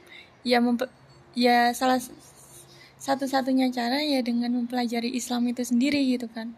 Biar Islam itu menjadi prinsip hid- hid- menjadi prinsip hidup kita gitu. Dan jangan lupa yang kemarin juga kita udah singgung tentang mencari teman yang baik dan mencari guru atau mentor Nah, terus sekarang kita mau lanjut lagi nih. Sekarang lebih ke bahas tentang fight atau ke keyakinan. fight Fight, oh fight keyakinan. Jadi nih kak, eh, apa sih namanya? Kalau misalnya seseorang. Itu kan tadi kan dibilang ya kalau misalnya dia itu ingin ingin kalau seorang muslim ingin menjadi muslim muslim seben, sebenar-benarnya muslim kan dia apa sih namanya harus mengikuti perintah Allah ya. Tapi ini masalahnya kalau kondisi dia itu dia masih apa ya belum 100% me, bisa menerima dirinya sebagai seorang muslim gitu. Karena keimanan yang ada di dirinya itu cuma sekedar apa sih namanya sekedar ikut-ikut orang tua gitu. Ya, kita mau bahas itu. Jadi kayak gimana? Gimana gimana? Kalau misalnya emang dianya belum tahu benar-benar kosong nih tentang keyakinan itu atau mungkin dia bahkan nggak nggak benar-benar bisa berjalan atas prinsip Islam ketika dia nggak punya keyakinan yang pasti atau keyakinan 100% tanpa ada keraguan gitu kan terhadap keimanan yang enam itu tadi. Mhm. ya berarti ya harus dipelajarin dulu keimanannya karena iman ini kan sebuah dasar gitu kan. Dengan iman kita bakal punya spirit atau punya apa sih semangat buat mempelajari Islam itu tadi gitu. Kalau misalnya udah pernah belajar nih gimana nih Iya benar. Waktu itu aku tuh sempat bingung ini kak. Apa sih bedanya antara eh, akidah sama iman? Uh, apa coba kak? apa ya Akidah iman sama takwa. kalau takwa aku mulai dari takwa dulu yang paling Mm-mm. akhir takwa itu ketika kita kalau misalnya kalau misalnya di, Qur- di Quran kan sering tuh agar kamu bertakwa atau apalah kalimat-kalimat bertakwa kan sering kali di, diulang gitu. Dan biasanya dikasih dikasih tuh catatan di bawahnya takwa itu apa sih? Takwa itu ketika kita melaksanakan perintah Allah dan menjauhi larangannya gitu. Kalau akidah sendiri itu akidah akidah ini A- hmm, Pemikiran menyeluruh. Oh iya penye- pemikiran menyeluruh yang dari situ itu keluar sebuah peraturan gitu Itu mabda. Hah? Akidah itu pemikiran menyeluruh tentang manusia, alam, semesta dan kehidupan. ah Dan apa-apa yang ada di baliknya, apa-apa yang ada Iya, sebelumnya iya, dan apa-apa yang di sebelahnya dan apa-apa dan kaitan di antara ketiganya, ya kan? Ya dengan apa-apa yang ada sesudah dan sebelumnya kayak gitulah. Nah yang mau bahas yang yang udah kakak bahas takwa dulu diselesain satu-satu imannya belum. Oh mau dilanjutin iman apa dulu? imannya? Kalau iman itu iman itu aku iman itu kan keyakinan ya kalau arti Mm-mm. secara bahasanya. Ya keyakinan itu dan mahalnya tuh ada di hati gitu. Mm-mm. aku pengen bahas yang takwa dulu gimana nih kak iya selesaiin dulu deskripsinya iya gitu aja sebenarnya Oh. iman itu memang sesingkat itu sih Hmm, oke. aku tadi ada pertanyaan soalnya ganjil banget oh Berarti kalau takwa yang dari kakak bilang itu kan tadi kalau iman itu kan hati ya mahalnya atau kayak Mm. tempatnya. Kalau takwa itu lebih ke amal atau perbuatan ya. Hmm, bisa dibilang seperti itu Hmm. Makanya kan kalau misalnya kita meminta kepada Allah biar kita dijadikan sebagai orang-orang yang bertakwa, itu nggak sekedar minta gitu kan. Di situ ada usaha Mm-mm, tahu tahu. Gitu. Terus yang ini, aku tuh waktu tuh pernah aku sharing ya ini saran. Itu tuh tentang pernah tanya ke guru aku. Lumayan lama sih nyarinya waktu itu. Saya waktu itu tuh aku nyari tahu tentang bedanya iman sama eh, iman sama apa tadi satunya tadi? Iman sama akidah. Bukan, akidah iya. Kok bisa gitu? Katanya akidah itu dia sabit. Tapi iman itu dia Yazid Wayangkus. Pernah denger gak? Kalau akidah itu sabit, kalau iman itu Yazid dan Yangkus. Kenapa kayak gitu? Aku bingung tuh apa sih emang bedanya kok bisa kayak gitu gitu. Ternyata ya yang dinamakan akidah ketika seseorang berakidah, berakidah dia itu harus mengimani berapa persen? Ketika seorang berakidah, dia tuh harus mengimani akidahnya berapa persen? Mengimani akidahnya. 100% kan? Kalau misalnya dia itu maksudnya Misalnya aku gini, aku percaya kalau misalnya di dunia ini ada Tuhan. Nah, aku kepercayaan aku dengan adanya Tuhan ini harus berapa persen? Sampai aku dikatakan aku tuh percaya sama Tuhan. Ya harus 100%. 100% kan? Kalau 99% aku bisa dikatakan aku percaya kalau di dunia ini ada Tuhan nggak? Belum. belum ya benar makanya itu akidah itu di, dibilang sabit itu karena itu karena dia itu apa ya sesuatu yang mendasar banget yang mana ketika kita itu mencari jawaban atas itu jawaban itu tuh harus Akan kita tetap selamanya harus kita imani 100% dan harus kita imani sepanjang hidup kita gitu. Kalau kita nggak kayak gitu berarti namanya kita nggak berakidah Hmm. kayak gitu. Sedangkan iman itu tadi mahalnya kalau sedangkan hati kita sendiri itu kan terbolak-balik ya. Iya. Makanya iman itu yazid wa yanqus. Jadi iman itu lebih kayak ke presentasi apa ya? Kalau kalau tadi kan takwa lebih ke amalnya. Mm-mm. Jadi ini kayak lebih ke hatinya gitu loh. Iya, kan kalau Kayak gitu. misalnya kita mau beramal juga kan tergantung kadar keimanan kita kan. Mm-mm. Tapi ya apa ya bedanya? Kalau hati aku rada bingung sih jelasinnya gimana. Intinya beda, tapi sama nangkep gak bedanya antara akidah sama iman di sini? Nangkep. Aku mikirnya akidah itu benar-benar sebagai dasar gitu loh, Mm-mm. sebelum keimanan itu tadi. Mm-mm. Dan emang sebenarnya dua-duanya tuh banyak banget kemiripan sih antara akidah sama iman. Soalnya kalau misalnya akidah itu kan kita cari dengan kita cari dengan akal kan. Mm-mm. Sedangkan iman itu juga dasarnya akidah yang kita cari dengan akal. Mm. makanya itu emang kadang orang kan kayak bingung ih terus berarti kalau misalnya ini kan sama-sama hati nih terus sama-sama kayak dasarnya dicari sama akal terus kok bisa satu satunya yangkus ya karena iman itu dia yazid wa yangkus itu dia tergantung sama ketakwaannya dia sama amalnya dia juga Mm. jadi kedua ini tuh kayak Takwa ber. Mm-mm.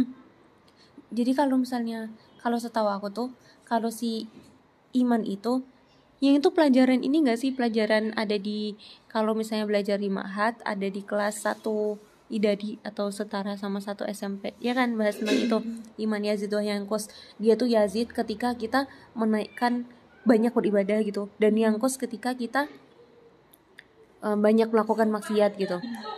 Jadi kalau misalnya tapi kalau misalnya akidah dia tuh nggak berhubungan langsung sama itu nggak sih?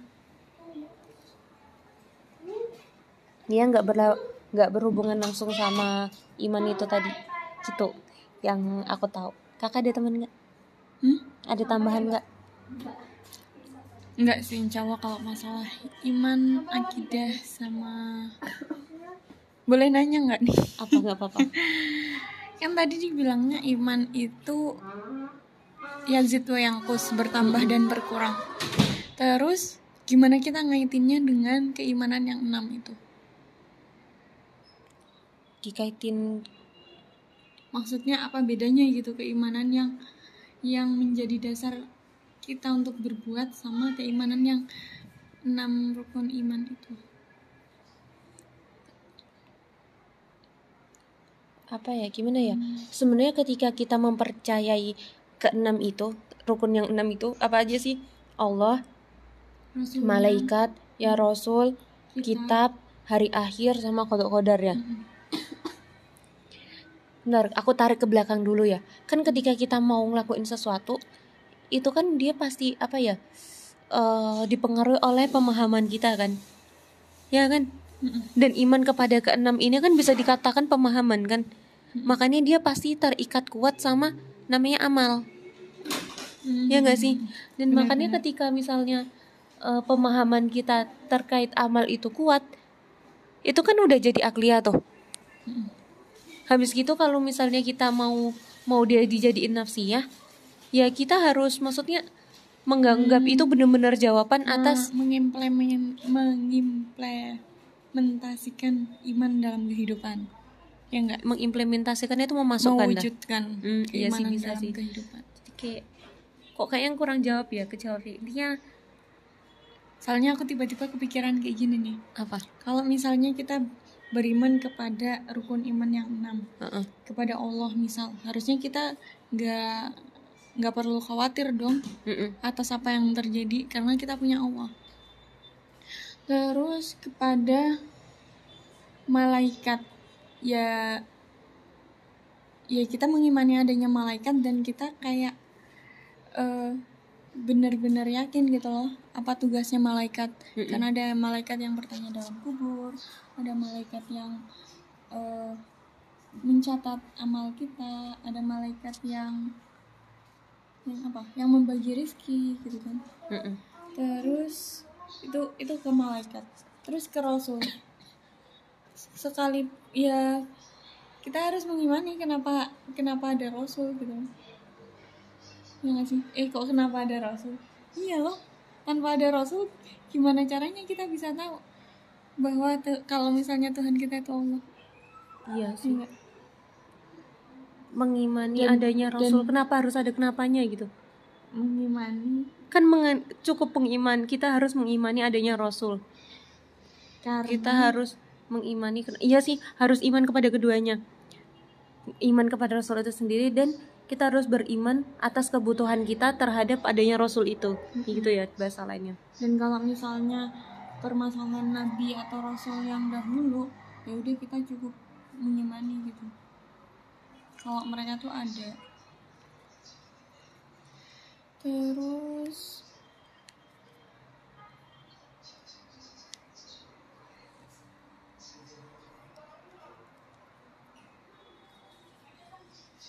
terus hmm, tadi oh kitab.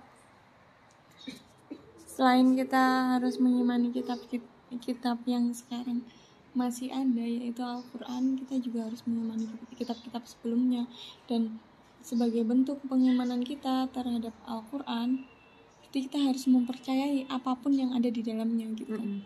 dan dan kita harus benar-benar membuktikan kalau misalnya Al-Quran tuh benar-benar berasal kita- dari Allah. bukan berasal dari manusia gitu. Ya dan bentuk pengimanannya ya bentuk mewujudkan keimanan terhadap Al-Quran ya dengan membaca, mengamalkan, meyakini apa yang di dalamnya, juga menyebarkan gitu. Terus apa lagi? hari akhir Hari akhir. Ya kita, iya kalau misalnya di Al-Quran dibilang nanti tuh bakal ada hari akhir, ya udah kita cuman perlu percaya gitu loh. Mm-mm. Meskipun meskipun eh di sana ada peluang kita melihat atau enggak gitu. melihat benar-benar faktanya atas hari akhir itu sendiri gitu dan kita harus di hari akhir ini kan juga termasuk hari kebangkitan kan kita harus tahu bahwa setelah kehidupan ini juga ada kehidupan lagi ntar di akhirat Mhm. dan akhirnya kalau misalnya kita tahu kalau kita bakal hidup lagi ntar kehidupan yang kekal nanti ya harusnya kita beramal beramal beramal gitu ya sih? Banyak banyak beramal. Terus tentang beriman ke kodok dan kodar. Bentuk mengimplementasiannya eh iya bentuk mewujudkan keimanannya gimana? Bentuk bentuk mewujudkan keimanannya ya dengan meyakini dan apa sih namanya selain meyakini itu meyakini selain meyakini itu ya percaya gitu loh dan menerima apa pun betul terima sih Mm-mm. Karena kan kita juga nggak akan dimintain pertanggungjawaban kan atas kodok-kodar itu sendiri. Karena kodok-kodar itu dalam ranah yang tidak kita kuasai gitu. Ya Betul, misal terlahir, cantik kayak aku masya Allah, semua wanita cantik. Iya sih Ibu buat Dan aku ya seneng udah, apalah mbak ya nggak apa-apa nggak apa lanjut lanjut. Gitu sih. terus apa hubungannya sama pembahasan aku tadi Tadi bahas apa? yang bahas itu loh pertanyaan sama yang hubungan antara iman yang kita bahas ini sama iman yang enam. Iya, iman yang kita bahas terhadap yang apa sih namanya yang kata kamu tadi letaknya di hati. Itu ya bentuk pengimplementasiannya gitu atau apa ya? Siapa?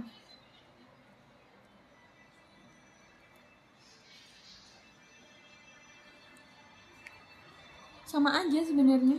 Kalau misalnya kita tahu kok aku bingung ya? Iya sama aku juga.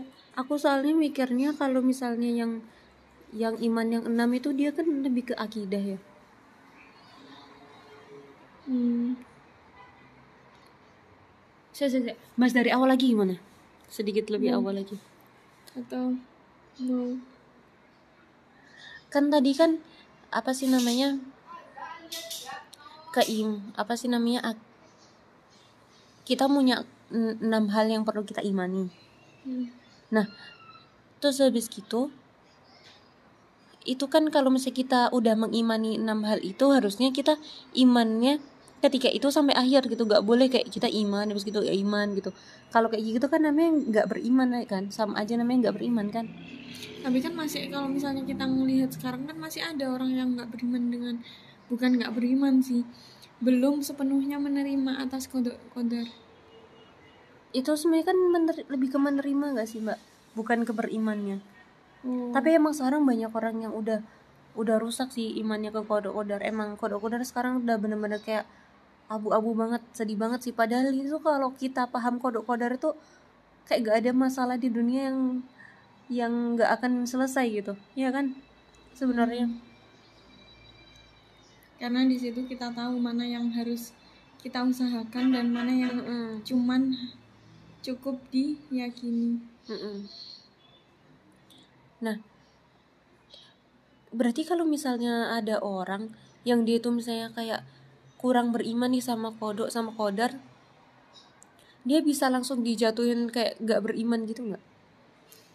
jangan kayak gitu juga Nggak Habisnya- maksudnya di di ilmu tauhid.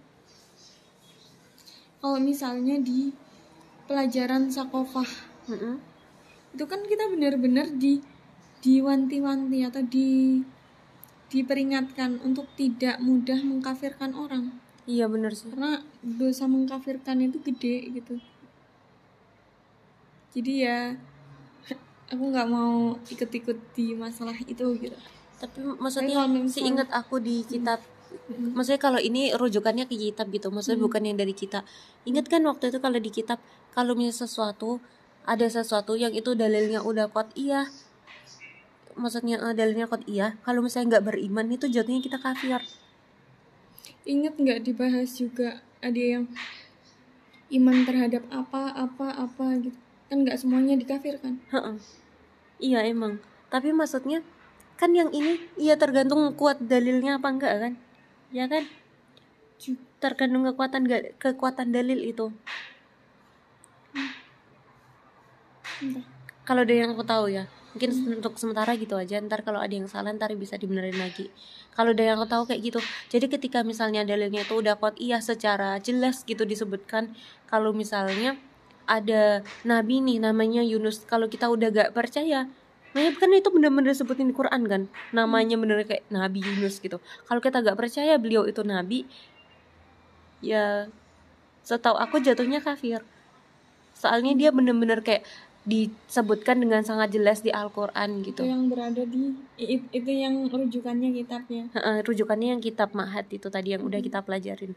Kita masih belum belajar se- lebih dalam Heeh. lagi tapi untuk sementara kayak gitulah gitu.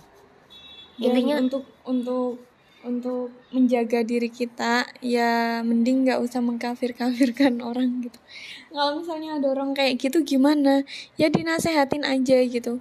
Karena karena kalau misalnya dia udah mengaku muslim harusnya dia benar-benar beriman benar-benar yakin gitu kan Mm-mm. karena ya ya apa ya cuman perlu diingetin karena manusia tempatnya salah dan lupa gitu loh Mm-mm.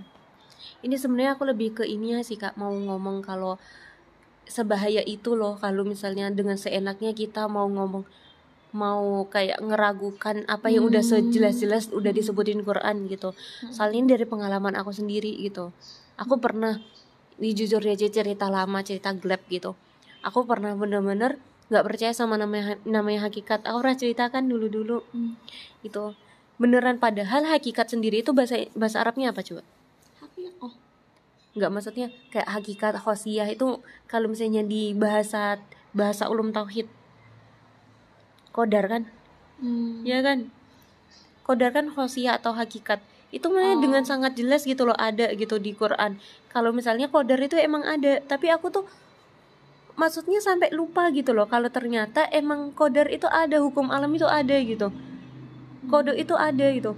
Aku pernah di titik di mana aku nggak percaya sama sekali karena apa? Karena tontonan aku dong apalagi gitu. Karena apa? Karena bacaan aku dong gitu. Dulu tuh ya Allah aku tuh ngerasa kalau aku nonton aku nggak bawa iman aku tau gak sih mbak? Beneran.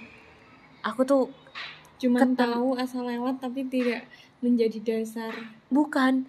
Malah aku jadi kayak dua orang yang berbeda paham gak sih? Aku jadi kayak punya dua iman. Astagfirullah naudzubillah banget ya Allah.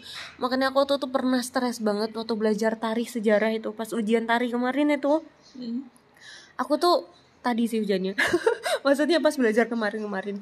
Itu tuh jadi aku pernah baca di bab yang Mongol itu Hmm. Mongol yang Tatar Hmm. itu kan itu di sana di bawahnya bahas ya tentang agamanya Mongol itu apa sih Bani Mongol itu gitu Hmm. habis itu di bawahnya tulis mereka itu kayak memberi sajian kepada hewan-hewan muftaris atau hewan-hewan buas aku di situ langsung keingetan ya Allah ini kan tontonan aku gitu jadi beneran mbak di bacaan aku tuh ada orang-orang yang ngasih sesajian ke hewan muftaris karena mereka itu mengira hewan-hewan buas itu semakin mereka buas itu mereka itu di akan memiliki kepintaran gitu loh sama kayak manusia. Paham Hmm. gak sih kak? Pokoknya kayak gitu. Jadi kalau misalnya hewan itu semakin dia pintar semakin dia buas semakin semakin dia kuat itu kayak gitu loh. Hewan itu kayak gitu. Jadi kayak jadi kayak tersamarkan gitu. Aku bahkan kadang tuh sampai lupa kalau misalnya akal itu itu kelebihan manusia karena Hmm. ini gitu karena tontonan yang Nah, kayak gini efeknya ya. Efeknya efek dari nonton kayak gitu Sumpah itu itu parah banget gak sih kak? Jadi aku tuh kayak ya Allah dai ya namanya hewan kucing ya gimana masa mereka punya akal sih udah jelas-jelas mereka kalau makan ikan ya selalu makan tetap aja ikan. gitu Heeh. tetap jadi kucing juga nggak ada Iya. kan kucing belajar Heeh, makanya nggak ya ada Allah kucing jadi ulama nggak ada nggak ada tapi karena karena tontonan kayak gitu jadi kayak ngerusak eh, iman aku Iya, banget gitu loh. Ngerusak akidah aku banget dan Astagfirullah tuh sedih banget sih parah. Terus habis gitu contohnya kayak menyuci mensucikan ruh eh, leluhur. Astagfirullah itu agak aneh sih sebenarnya dengan keyakinan kita sebagai muslim. Iya. kalau misalnya emang kita udah punya keyakinan aneh kan? Makanya kayak nonton ya nonton sesuatu yang dia itu eh, apa ya tonton yang konten itu tidak berdasarkan oleh akidah yang udah kita imanin itu membuat kita punya standar ganda Mm-mm. jadi kayak buat Mungkin- kita Heeh. Fasludin Anil Hayah banget Nah, gitu mungkin mungkin sehari dua hari seminggu dua minggu sebulan dua bulan mungkin Nggak kita kerasa. masih masih aneh asing kayak Mm-mm. ih apaan aneh banget gitu keimanan kayak gitu aneh banget kok mereka bisa kayak gitu gitu ngakak lucu gitu maksudnya mengetahui sesuatu yang berbeda dari dengan kita gitu loh yang berbeda benar-benar dengan yang kita imani berbeda dengan yang iman yang kita imani Mm-mm. Terus kemudian lambat laun kita bakal apa ya terbiasa atau bahkan ujungnya kita bakal goyah gitu. Iya, sebenarnya aku nggak nggak mau ngakuin sampai sekarang. Aku benar-benar kayak percaya ada begituan. Cuma cuma ini kak, waktu nonton, waktu baca, aku tuh udah pasti kayak ini. Ah, ini pasti setelah ini ada pas setelah ini surga marah. Surga. Iya, surga cemburu, langit marah. Aduh itu ya Allah aku ngerasa bodoh banget tau gak sih? Tapi kalau kalau misalnya kayak pemeran utama tiba-tiba kayak disambar petir gitu udah kayak ini dewa marah karena cemburu dengan kelebihan MC-nya nih pasti. Kok bisa bisanya aku kepikiran hal kayak gitu gitu paham gak sih? Jadi kayak komentar aku itu beneran komentar yang harusnya nggak keluar dari otak-otak mu- orang muslim gitu loh. Ya padahal kan semua yang Kayak yang udah kita kedoktrin. lihat, semua yang kita indra kan makhluknya Allah gitu. Iya. Dan apa pun yang terjadi kepada mereka kan itu atas kehendak Allah gitu. Makanya ya Allah seperti itu nyesel nyesek banget sih. Ya, Ya ya kita harus berhati-hati terhadap tontonan kita atau bacaan kita atau apa pun yang kita dengar. Mm-mm. karena semua semuanya itu mungkin awalnya asing bagi kita yang udah memiliki maksudnya udah udah apa udah udah udah pernah lah punya maklumat tem- tentang Islam gitu ya lambat laun Maklumat ujungnya apa? maklumat ini pengetahuan Mm. ini pengetahuan yang pernah kita dapat Mm-mm. ya lambat laun itu tadi sampai bisa ngerusak kehidupan kita gitu kan mau sampai kapan kita mau ngerusak diri gitu kalau misalnya mau kalau misalnya masih terus berkecimpung di dalam situ gitu Ya benar banget. udah Batu nyesek stop gitu banget. kalau misalnya kita udah nyadar kita rusak suatu saat nanti mungkin sekarang nggak nyadar terus ntar suatu saat nanti kita sadar kita rusak itu tuh bakal apa ya ngerasa eh masa kecil kita yang udah apa sih berusaha dijaga orang tua kita atau guru ngaji kita itu tuh kayak sia-sia gitu. Ah bener.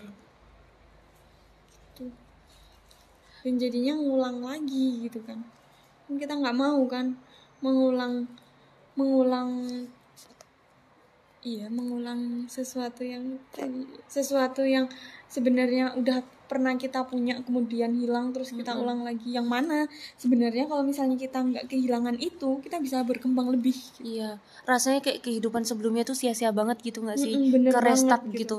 bener banget. Kalau misalnya pengalaman aku sendiri nih ya. Kayak ini sebentar analoginya tuh kayak kita udah punya HP udah banyak banget file-filenya tapi nggak kita arsipin. Habis gitu kita pabrik ulang. Udah lah hilang semuanya. Aduh stres banget foto-foto yang kayak udah narsis di banyak tempat gitu. Belum sempet diedit belum sempet di belum sempet diupload. Ih masih mending sih itu belum diedit. Tapi kalau udah capek-capek ngedit terus hilang semuanya tuh ya Allah. Kontak-kontak temen apalagi semuanya itu. Uh. Analogi ya. Itu sedih banget sih. Kalau misalnya aku pribadi nih Sia-sia. udah udah Hmm? mulai berapa tahun ya aku di sini beranjak empat tahun ya ya Udah selama itu tahun. iya selama itu aku ini nonton drama terus gitu dan aku ke sini berarti umur berapa sih 2018 umur 15 dari umur 0 tahun sampai 15 tahun itu lingkungan aku berusaha buat ya Orang-orang di sekitar nah, aku. orang-orang di sekitar aku termasuk eh, jasa besar orang tua. Itu tuh berusaha buat menjaga aku gimana caranya nggak ternodai dengan pemikiran-pemikiran lain gitu. Tapi dengan empat tahun ini rusak udah itu 15 tahun tentang Iya. kesabaran tentang keikhlasan tentang berjuang tentang apalagi tentang keimanan tentang bagaimana kita bersikap Prinsip-prinsip bagaimana kita ber tentang bagaimana kita berteman gitu kan. Tentang bagaimana kita beradab kepada guru atau kepada orang yang lebih tua. Itu rusak dalam sekejap kan perbandingannya 15 tahun dengan 4 tahun gitu. Mm-mm. tapi emang ini sih makanya kalau kita di kita tuh di posisi di mana kayak sekarang pertumbuhan akalnya lumayan pesat gitu kan.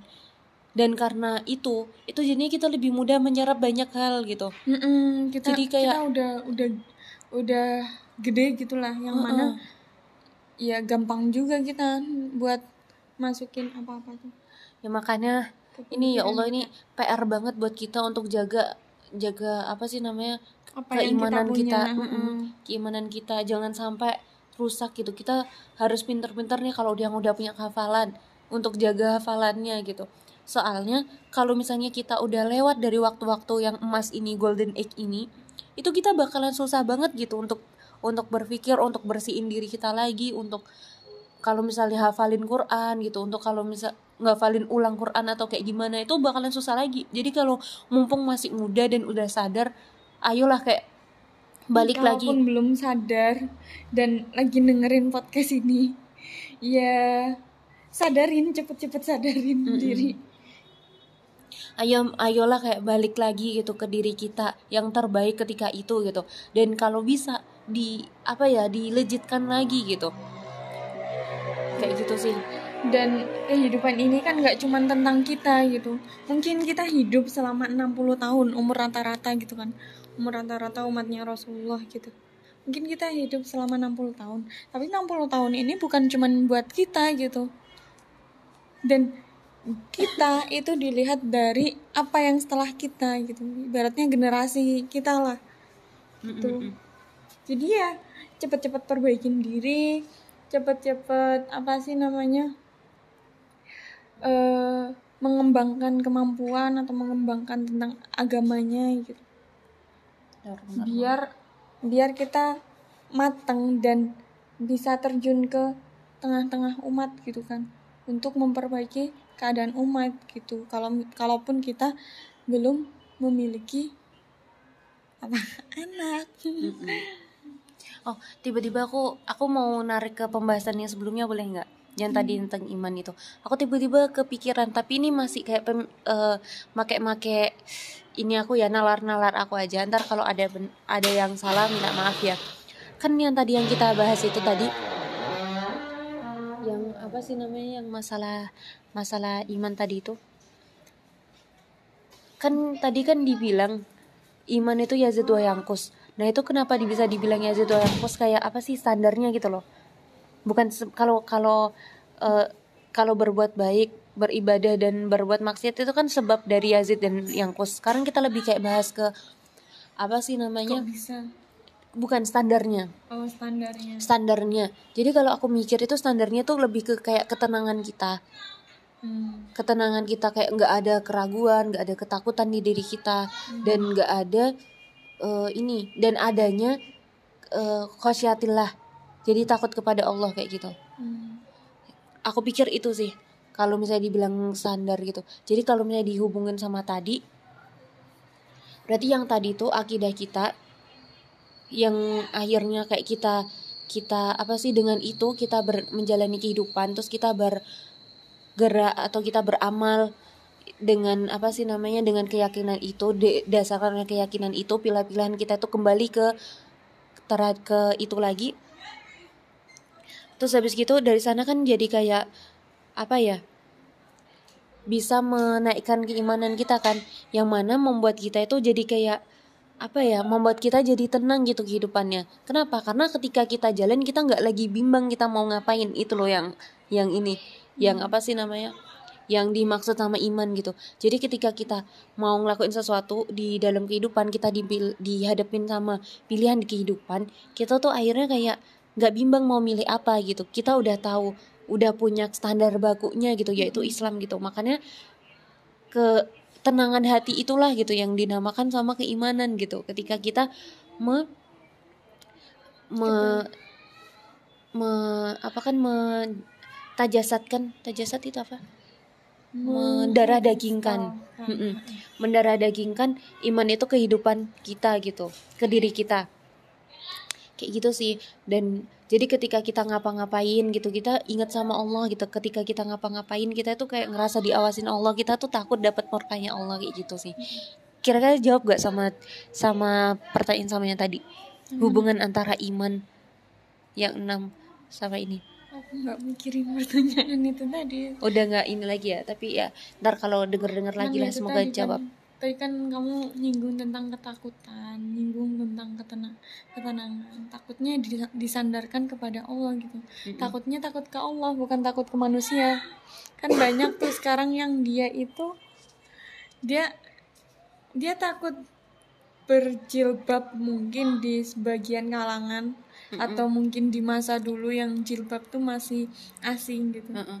dia takut berjilbab bukan karena takut ke- kepada Allah tapi takut dicaci atau takut apa. Kalau misalnya kayak gitu kan berarti ya itu bukan standar gitu. Kalau misalnya takut kepada manusia tuh. Terus Mm-mm. ketenangan ketenangan tuh bu, eh, ketenangan tuh ya ketenangan kita ketika kita mengingat Allah. Bukan ketika kita mengingat omelan-omelan atau ocehan-ocehan orang. Kalau misalnya kita ingat-ingat tentang ocehan-ocehan orang ya bikin overthinking. Kalau misalnya emang itu nggak sesuai kalau itu emang nggak sesuai syariat ya atau itu sesuatu yang nggak perlu kita pikirin. Tuh. Tuh. kan kemarin udah dibahas pentingnya kita menfilter apa yang kita dengar gitu. Pentingnya kita menfilter kritikan-kritikan orang atau cemoohan cemoohan orang gitu. Kayak gitu ya sih. Ini mukodimah yang bagus untuk pembahasan tentang iman. Apa ya? Eh, ini mau ngelanjut bahas tentang iman lagi atau mau ke mana? Kira-kira. Udah udah udah semua tiga-tiganya tadi. Iman takwa udah udah sih. Akidah. iman takwa akidah udah kita bahas. Perbedaannya. Kalau singkat lagi ya. Jadi kalau namanya akidah itu pemikiran yang mendasar tentang alam semesta manusia dan kehidupan dan apa-apa yang ada sebelum dan sesudahnya dan kaitan ketiganya dengan apa-apa yang ada sebelum dan sesudahnya gitu terus habis gitu kalau misalnya im dan akidah itu itu harus kita percaya 100% gitu. Makanya dikatakan ada perkataan gitu kan kalau akidah itu sabit gitu. Dia tetap dan nggak ber, nggak berubah-ubah. kemudian yang kedua itu iman. Jadi keimanan itu kepercayaan bahasa lainnya gitu. Dan itu tuh tempatnya ada di hati. Dan dia itu keimanan itu bisa yazid wa yanqus jadi bisa naik dan bisa turun. Dan itu dipengaruhi oleh perbuatan kita. Jadi kalau misalnya kita melakukan hal yang baik kita banyak beribadah ntar keimanan kita akan bertambah. Kalau misalnya kita melakukan maksiat keimanan itu akan turun gitu. Terus yang ketiga tadi tentang takwa. Kalau takwa itu tadi apa mbak? Gimana bahasanya? Eh, takwa itu ketika kita mentaati perintah Allah dan menjauhi larangannya. Mm-mm. kayak gitu. Jadi lebih ke amal. Jadi di, orang yang dikatakan bertakwa ketika dia itu udah udah itu tadi melakukan yang Allah Allah perintahkan yang wajib-wajib itu dan meninggalkan yang udah Allah larang kayak yang haram-haram gitu. Dalam bentuk apa pun sih karena perintah Allah kan nggak cuman yang wajib ada yang sunnah juga gitu. Iya benar-benar dan larangan Allah tuh juga nggak cuman mencakup yang haram yang makruh juga Allah larang gitu kan Iya, maksud aku itu- yang perlu di perlu di apa sih attentionin gitu. Ya Allah, astagfirullah ya Allah, semoga kita Dan yang dijagalah dan dengan dari apa sih? Semoga iman kita kayak dikuatkan oleh Allah gitu. Hmm. Akidah kita dikuatkan sama Allah gitu. Amin amin. Jangan sampai muncul keraguan lagi gitu. Setelah kita sadar. dan yang mubah tadi kan yang haram sunnah eh yang wajib sunnah kan perintah Allah terus yang makruh sama yang haram itu larangan Allah yang mubah gimana yang mubah ya kita pilih-pilih mana nih yang me- bisa mendekatkan kita ke Allah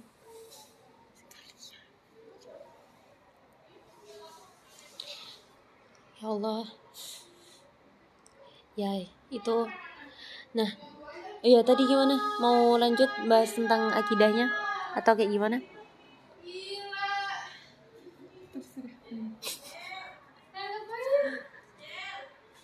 Nah, aku mau apa ya? Kan tadi aku mau bahas yang kemarin itu aku sempat kelupaan. Aku mau cerita bentar aja gitu. Jadi waktu itu kan kemarin itu kan aku kayak ada apa sih ngomong ini gak sih? Ngomong apa kak En? Yang oh bukan bukan jangan jangan. Jadi aku mau nge iniin ada kehati-hatian yang udah aku ada kesalahan yang udah aku lakuin jadi aku pengen gitu teman-teman sedikit hati-hati dengan ini gitu jadi ketika itu ini tuh kan kita kalau sekarang ya posisinya kan kita udah tahu kita muslim. Nah maksudnya kita udah sadar. Ini buat teman-teman yang maksudnya masih ada di posisi bimbang.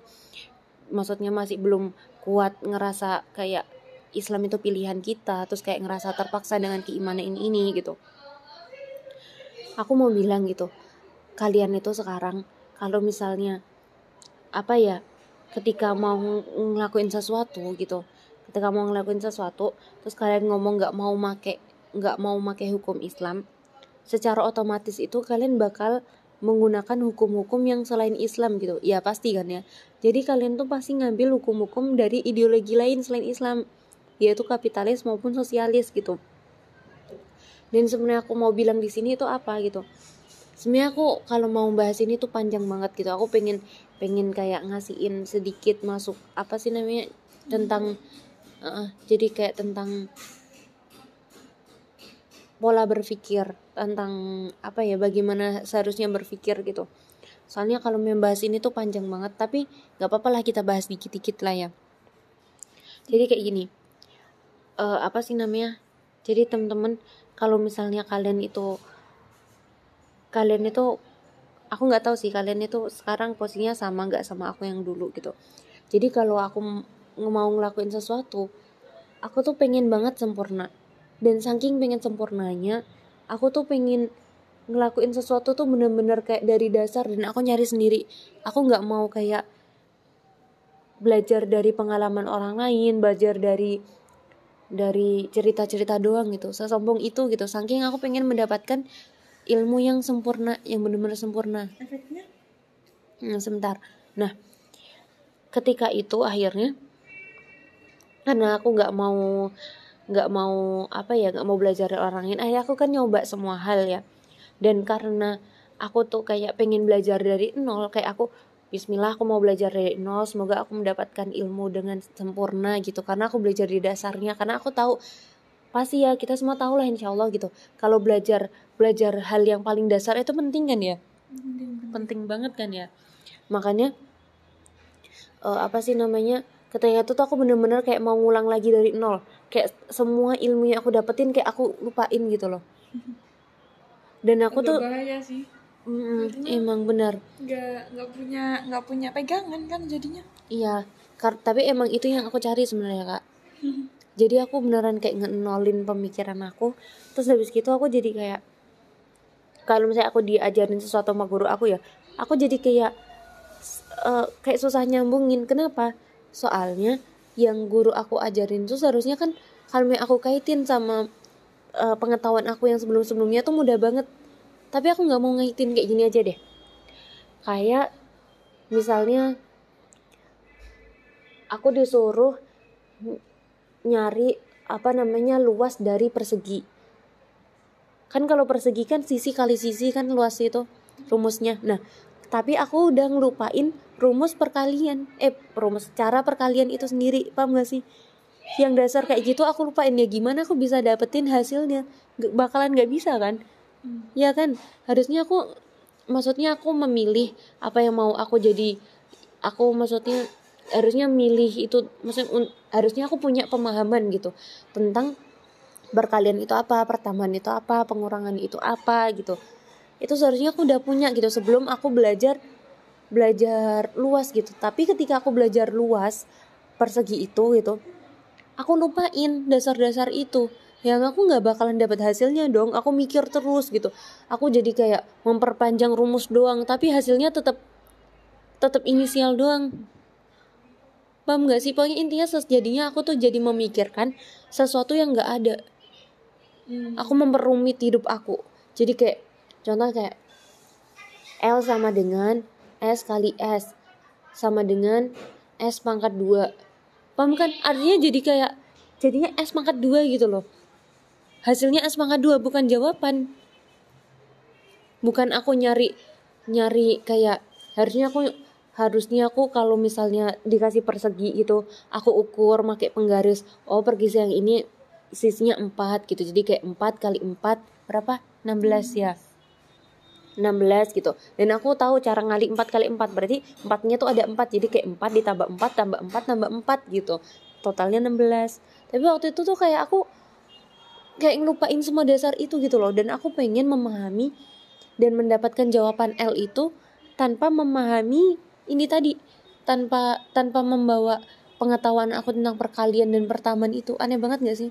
Aku mikirnya kayak gini ya. Dari yang kamu deskripsiin tadi tentang gimana kamu eh, berusaha keluar dari apa yang kamu pegang dan melepas biar kamu bisa melihat semuanya sama.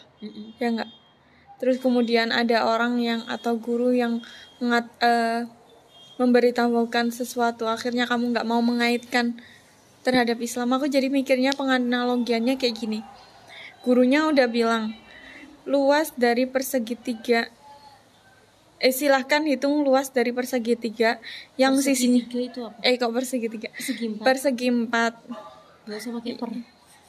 Segi empat. Yang dia itu sisinya empat gitu. Yang harusnya kamu dasarkan kepada rumus luas segi empat itu tadi. Tapi karena kamu udah tahu rumus-rumus yang lain dan kamu tuh mikir kok nggak nemu-nemu? Karena kamu tahu karena kamu berusaha mencocokkan rumus itu dengan rumus yang lain. Bukan sih itu bukan yang aku rasain. Soalnya aku mikirnya ya harusnya luas segi empat tuh S kali S. Bukan Hmm, bukan. perkalian yang lain. Bukan sih kak. Soalnya sih yang sebenarnya aku aku iniin. Yang sebenarnya ketika itu aku bimbangin itu lebih ke itu tadi aku ngelupain konsep perkalian dan pertambahan. Jadi kayak lebih dasar daripada itu. Kalau itu kan kalau aku ngitung make rumus yang lain itu kan berarti aku masih ada dasar perkalian dan pertambahan kan? Kalau iya Iya kan? Nah itu tuh aku nggak ada. Makanya aku sampai bilang kan aku ketika itu nggak percaya hakikat. Bahkan untuk yang kayak yang kayak di dunia ini ada gravitasi aku nggak bakalan percaya kalau misalnya nggak ada ilmu sains yang membuktikan bener-bener. Beneran kayak paham gak sih aku beneran kayak gitu. Bahkan yang kayak hal yang paling dasar pun itu aku susah untuk percaya gitu. Hmm. yang gitu beneran. Aku bahkan sampai saking aku ngenolin pe- pemahaman aku ketika itu ya pengetahuan aku aku sampai harus berpikir ulang. Dan akhirnya aku menemukan natijah oh manusia tuh ternyata ternyata bisa meninggal ya gitu. Bisa bisanya padahal aku udah ngelihat ngelihat kakek aku dikubur di depan mata aku tapi aku bisa bisanya baru berpikir lagi tentang itu gitu saking aku lupakan Padahal semua dasarnya makanya. Heeh. Padahal harusnya kamu bisa berkembang lebih tanpa memikirkan itu karena kamu sudah Iya, dapat. bener banget makanya ya Allah subhanallah bodohnya ketika itu terus aku juga pernah yang kayak ini loh kak Eh, apa sih namanya pernah mikir tentang oh iya pernah barusan sadar kalau manusia itu lemah kocak gak sih aku ya Allah sesombong itu ya Allah Eh, udah kalau ngomong masalah masalah kayak gini tuh nakutin banget sih emang Parah sih kalau mis Bu ya bahaya kalau manusia itu nggak nyadar kalau dia itu lemah gitu. Mm-mm. Akhirnya dia ngerasa apa ya? Dia ngerasa bisa Bisa bersanding dengan ngehandle. Tuhan Iya kan dia menempatkan dirinya seperti Tuhan ya enggak dia pengen mengatur hidupnya sendiri. Hmm, hmm, ujungnya ke situ. betul banget. Ya intinya itu ya Allah itu nakutin banget guys. Makanya kalau kalian ya aku tadi tuh mau ngomong apa sampai lupa. Saking contohnya banyak banget analoginya. Eh kalau misalnya apa sih namanya? Ini ya kalau misalnya emang emang ragu itu ya udah kalian kayak ini apa sih namanya? Yang udah kalian imanin itu tadi? Kalian coba belajar lagi ke ahlinya.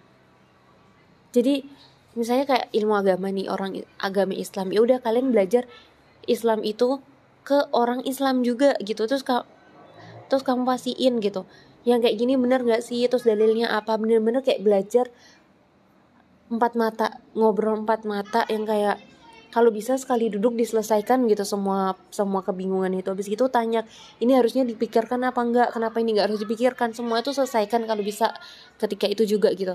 Dan salahnya aku ketika itu adalah aku memutuskan sendiri untuk Belajar sendiri. belajar sendiri ah, bener makanya salah kaprah gitu. Walaupun ketika itu aku punya guru tapi aku nggak membicarakan membicarakan dengan jelas gitu apa yang sebenarnya ingin aku pelajarin gitu. Kayak gitulah ya ini ya kayak gitu. Dan akhirnya yang aku bilang tadi kalau misalnya kalian bener-bener nih ya kalian orang Islam kalian udah tahu kan kalau misalnya kalian harus terikat sama syarat nah kalau misalnya kalian itu cuma karena kalian nggak percaya terus ninggalin syarat kalian dosa gitu. Karena karena kalian itu udah orang Islam kalian udah udah di udah kena taklif hukum gitu loh bahasanya. Hmm. ya kan? Jadi kalau misalnya apa sih namanya kalau misalnya selagi nyari jangan ditinggalin ibadahnya gitu selagi nyari ya apa Lu ya nyari bareng aja sama mentornya. Mm-mm, ya kayak gitu gitu intinya Enggak. jangan sendirian lah untuk bahas sesuatu yang kayak gini itu Hmm, karena biar ada orang yang bisa ngehentikan. Oh, oh, udah nih, udah, udah. Mm-mm. Bahaya itu ranahnya gitu. Heeh, bener banget kayak gitu dan kita biar tahu gitu mana yang sekarang perlu kita pelajarin dulu mana yang kita pelajari nantian setelah kita punya Atau basicnya nggak perlu dipelajari. Ah, ya itu bener banget gitu kayak gitu. Dan soalnya kalau misalnya kalian itu udah ninggalin Islam beneran sampai ke amal-amalnya gitu sampai ke perbuatan-perbuatannya itu ya Allah astagfirullah. Kalian itu jadi kayak paham gak sih? Ketika itu aku bener-bener jadi orang yang apa ya nggak punya arahan hidup banget gitu ke ke sana kemari kayak kayak udah jadi kayak orang buta gitu loh. Buta arah banget ya Allah sedih banget gitu ya itu udah maksudnya mbak kita tuh bahasanya kalian tuh udah punya satu peta gitu. Entah peta itu salah atau bener ya udah pakai itu dulu gitu. Daripada nggak ada pegangan sama sekali iya nggak? Soalnya kalau kita punya peta yang entah itu benar atau salah kita tuh paling tak paling nggak kita tahu kalau kita salah kita tuh harus balik ke mana lagi. Iya kan? Nah ada dua jalan nih. Jalan gini. Kalau misalnya kita jalan ke sana ke jalan yang A ini nah waktu kita waktu kita udah tahu ini tempat jalan tersesat kita bisa balik lagi gitu loh. Terus baru kita ke jalan yang B. Oh ternyata bener nih gitu. Kalau tanpa peta udah kita nggak tahu. Kita tuh udah jalannya ke timur ke barat ke utara gitu. Kita udah jadi kayak buta arah banget paham gak sih? Dan nggak- bisa jadi kita nggak bisa balik ke titik awal kita berdiri di mana kita dulu itu. Hmm. nah kayak gitu. Gitu. Dan ya ya Allah itu bahaya sebahaya bahaya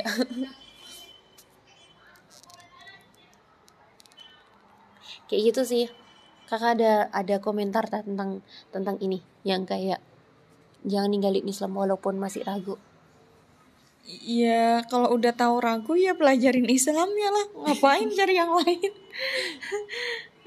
Agak aneh sebenarnya.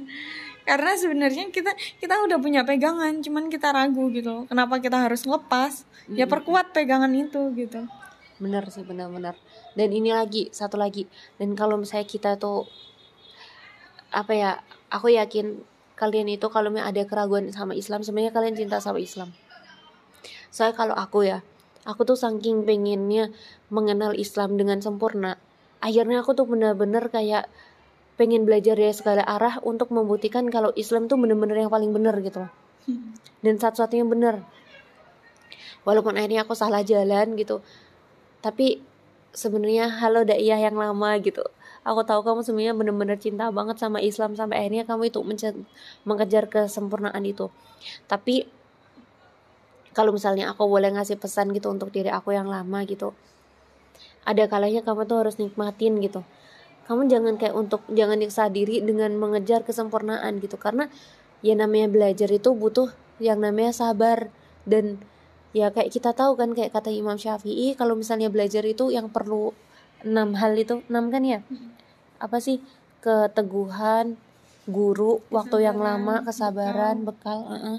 apa lagi ya? Terus kesungguhan. Heeh. ya itulah pokoknya aku lupa. Pokoknya itu semuanya. Kelihatan udah disebut semuanya sih pokoknya butuh bekal atau uang habis gitu butuh kesungguhan butuh guru buku waktu yang lama butuh apa lagi mbak Iya. Bisitatin saumbika bibayan. Zakain kecerdasan, Oh iya, Wah, kecerdasan. hirsin. Hirsin tuh apa kemarin? Kesungguhan yang sangat gitu. Heeh.